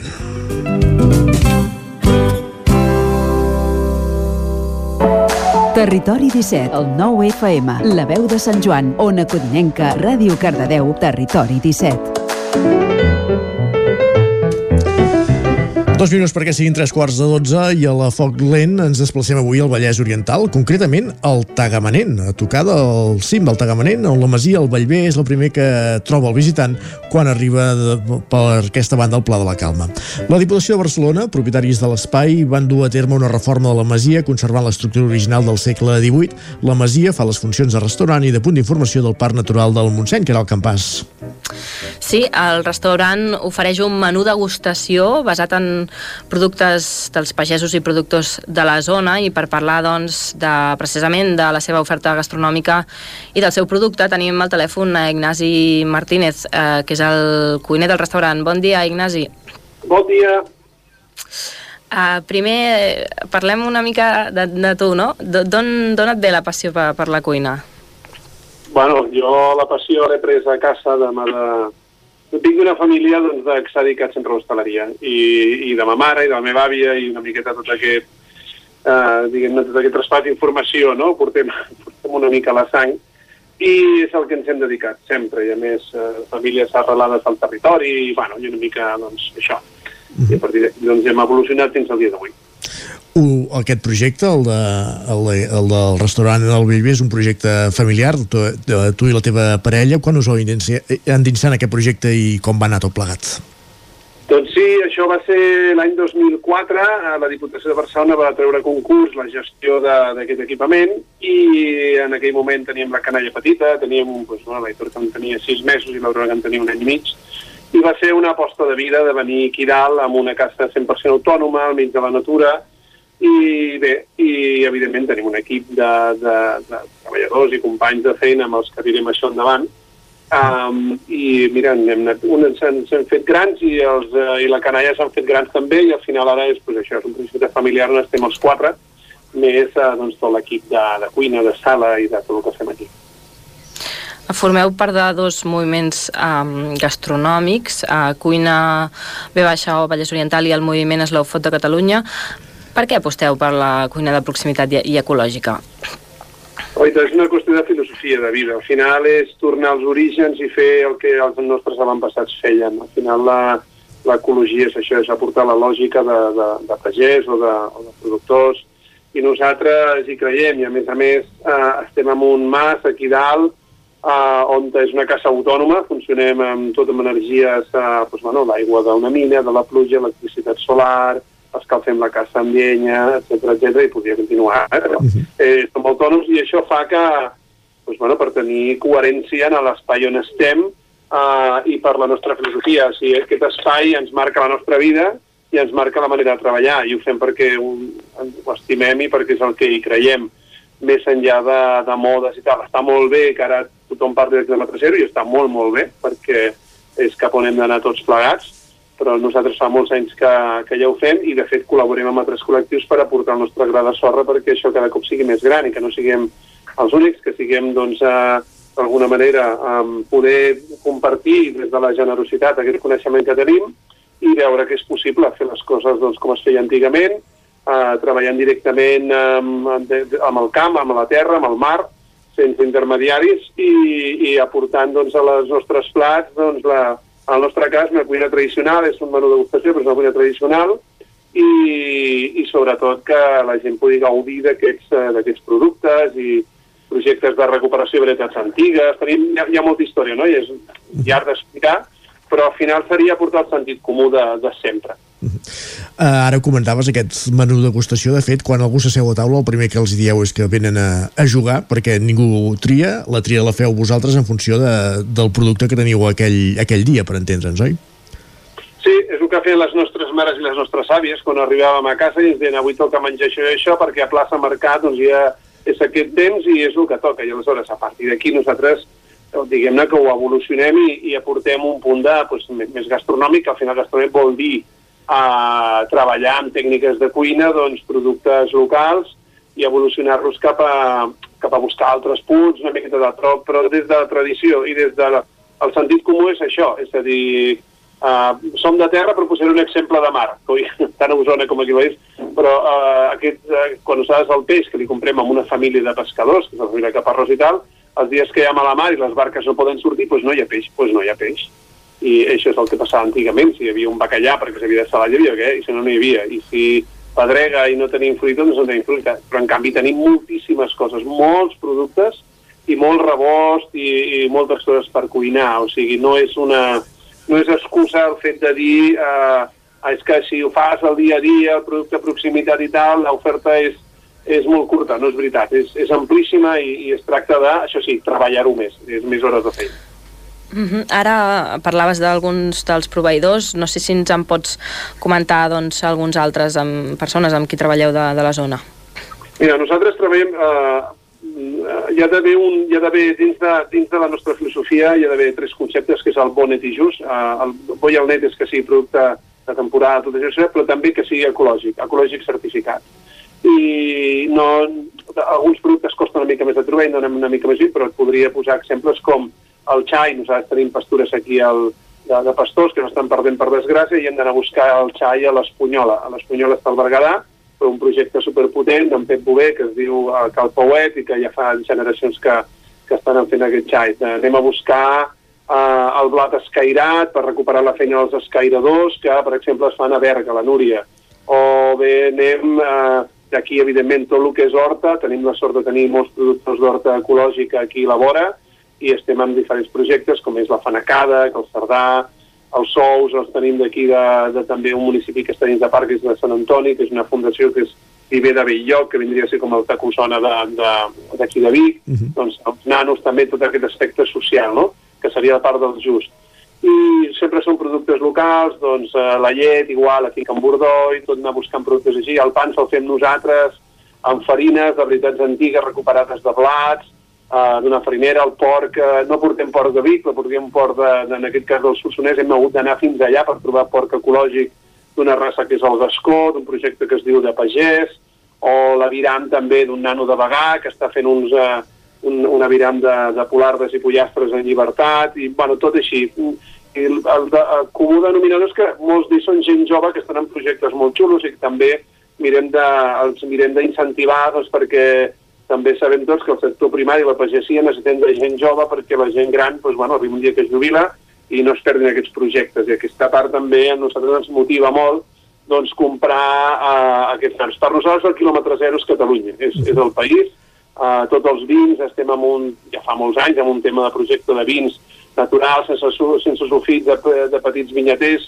Per nosaltres uh, és important que el vi que comprem, uh, a qui li comprem el vi és, és algú que treballa a la terra, no és un especulador de raïm, sinó que és algú que és aquest concepte de, de, de vinyater o vinyataire, que és uh, aquell que té la seva terra, treballa i tal, i després fem, bueno, i, i això és el que tenim, també coses que no tenim, que això costa d'entendre, doncs begudes eh, ensucrades que tots coneixem de marques molt conegudes, no les tenim. Aquí a Pagès doncs, hi, ha, hi, ha, hi ha aigua, d'aquí de casa, de la mina, hi ha cervesa que ens la fem nosaltres amb un projecte aquí a l'Ametlla, hi ha vins i tenim begudes tipus sucs de poma, sucs de taronges i tal, de productes que no sé, però no, si em demana segons quina beguda, que no diré la marca, doncs no la tenim, i això de vegades costa i se'ns en falten alguns, però, És el que però bueno, és, la, és la nostra filosofia. Correcte. Quin tipus de... Ara parlaves d'això, de les reaccions en aquest aspecte, però quin, quin tipus de clients teniu? Són excursionistes o ve, més gent espre, ve també gent expressament? I com reaccionen no? davant d'aquest joc que els hi proposeu? Doncs mira, el nostre públic és familiar, eh, el concepte excursionista és difícil de, de, nosaltres fem dinars, no fem esmorzars, no fem perquè, eh, jo dic, amb les bateries solars, amb l'aigua que tenim i tal, tampoc no podem explotar més la... Només obrim dissabtes, diumenges i festius, i això, això és perquè perquè nosaltres ens hem hagut d'adaptar a les possibilitats energètiques que tenim i no al revés, no forçar la màquina, val? aleshores podem fer un servei de diners al dissabte i el diumenge, un festiu i tal. Bé, el públic és familiar i ve de tot arreu. Uh, I ve majoritàriament uh, persones uh, o bé ja conscienciades o que són més sensibles al quilòmetre zero de veritat. Uh, no, nosaltres no som talibans de l'ecologia. Hi, hi, ha, hi ha productes, alguns d'ells, que no són ecològics, no, no hem d'enganyar la gent. És impossible avui fer, o és molt difícil fer una oferta gastronòmica 100% producte ecològic certificat, perquè tot just és una, és, és, és, un, és una activitat que està en alguns, en alguns sectors uh, començant. Però uh, busquem això, uh, i, i ve aquest tipus de, de perfil de, de famílies, pues, grups d'amics, famílies, amb nens, sense nens, és molt divers i venen de tot arreu, venen de la plana de Vic, i venen de Girona, i venen de Barcelona, i sí que trobem uh, darrerament que hi ha, hi, ha un, bueno, hi ha més interès i perquè ens entenguem, eh, hi ha cultures com la cultura francesa o del nord d'Itàlia, de doncs, francesos i italians que viuen a Barcelona o a Girona o a Vic o a Manresa des de fa molts anys, que ells estan més conscienciats amb això i que poder un 15% o un 20% de la, de la clientela que tenim, perquè és una gent que ja no els hi hem d'explicar, ells es porten uns anys d'avantatge en això, no? Uh -huh. Però, bueno, déu nhi aquí cada cop més uh, gent jove i de totes les edats, hi ha més consciència i hi ha més interès en aquest tipus d'oferta, eh? que al final, eh, quan ho veus a taula, eh, ara avui estem preparant el, el menú de demà, i dic, oita, tinc aquí mongeta al ganxet, mongeta al geni de cris, eh, ara, avui hem fet tot el d'allò amb remull, no? els cigrons,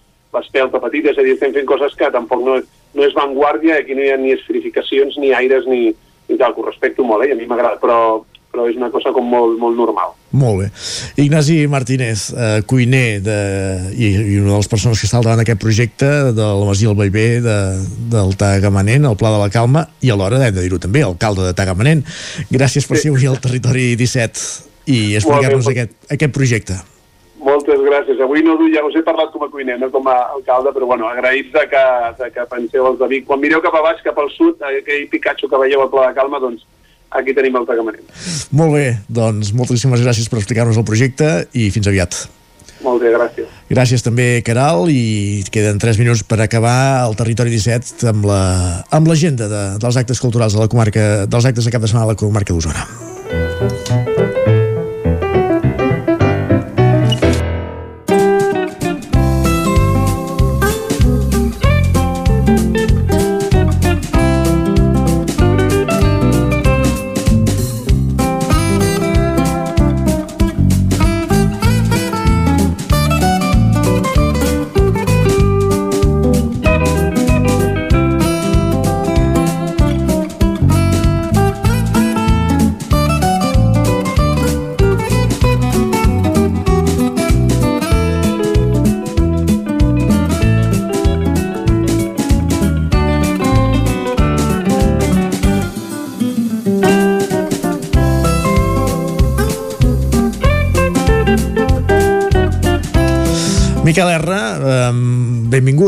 Amb tu acabem aquest recorregut a l'agenda del cap de setmana que hem començat abans de la Foc Lent i ara just després de parlar de cuina doncs recuperem els actes més destacats de la comarca d'Osona aquest cap de setmana, marcats pel Làctium i per què més? El Lactium eh, seria, diguéssim, el plat fort, el cap de cartell del cap de setmana, eh? Això arrenca demà al matí i s'allarga fins diumenge al vespre. Són dos dies eh, allò per als eh, que farà les delícies dels amants del formatge, o sigui, més no de la gent que es vulgui introduir en aquest món. Una fira que, diguéssim, que la seva essència són aquestes 40 formatgeries que hi ha arreu del país plantades aquí al Parc Balmes amb, amb una exhibició d'uns 250 productes a la venda i per tant això, deixar-se deixar passejar, la fira s'acostuma a acompanyar, el format de fet aquest any recupera plena normalitat i per tant recupera tots aquells espais que ja han funcionat també aquestes últimes 4 o 5 edicions que és quan va agafar aquest nou format no? amb l'aula bon preu esclat que, que, que, que hi ha eh, un lloc per fer tastos i també per, per entrar en debats sobre el món del formatge hi ha també el concurs eh, de formatges a les 5 de la tarda hi haurà el veredicte, per tant qui vulgui saber també qui serà el millor formatge làctium d'aquest any, doncs serà un bon moment per treure el cap i veure-ho en directe. I per la resta això també hi ha concerts hi ha, hi ha, hi ha la possibilitat de, de fer tastos al cheese bar per tant activitat formatgera 100% aquests dos dies a Vic, correcte. Qui en vez de formatges li agradi més les cerveses, recordar que aquest dissabte hi ha una nova edició de la Fira de la Cervesa i mostra d'entitats a Balanyà. Arrenca sí. ja a partir del migdia i s'allarga fins a les 8 del vespre amb molta música, tastos de cervesa i també algun apunt solidari. I recordar que també eh, la pagesia celebra el eh, commemora Sant Isidre aquest cap de setmana, hi ha propostes diverses. Mm, per exemple us destacaria a Gurb eh, diumenge a l'entorn de la parròquia de Granollers de la Plana hi haurà una matinal així amb, amb fira de pagès, amb mostra maquinària exposició de bestiar, que sempre hi ha molt ambient. O també hi ha diferents propostes a Tavernoles que inclouen la inauguració de la remodelada eh, plaça carrer de l'Església el dissabte al migdia i, i també hi han activitats puntuals durant tot el cap de setmana. Doncs per triar, vendre i remenar, moltíssimes gràcies Miquel, també un divendres més per aquí al Territori 17 a portar-nos aquests apunts d'agenda. Bon dia. Bon dia, bon cap de setmana.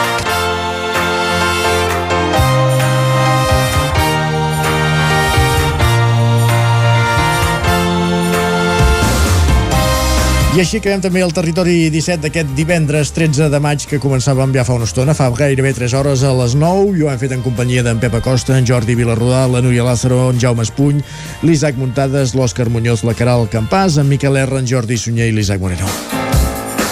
Res més, i tornem dilluns a partir de les 9 a la mateixa hora. Fins aleshores, molt bon divendres i millor cap de setmana. Adéu-siau i gràcies per ser-hi.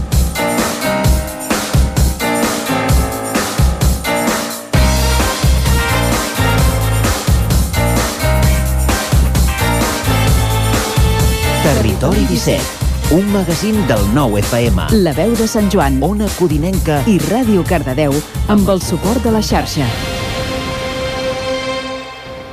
El nou FM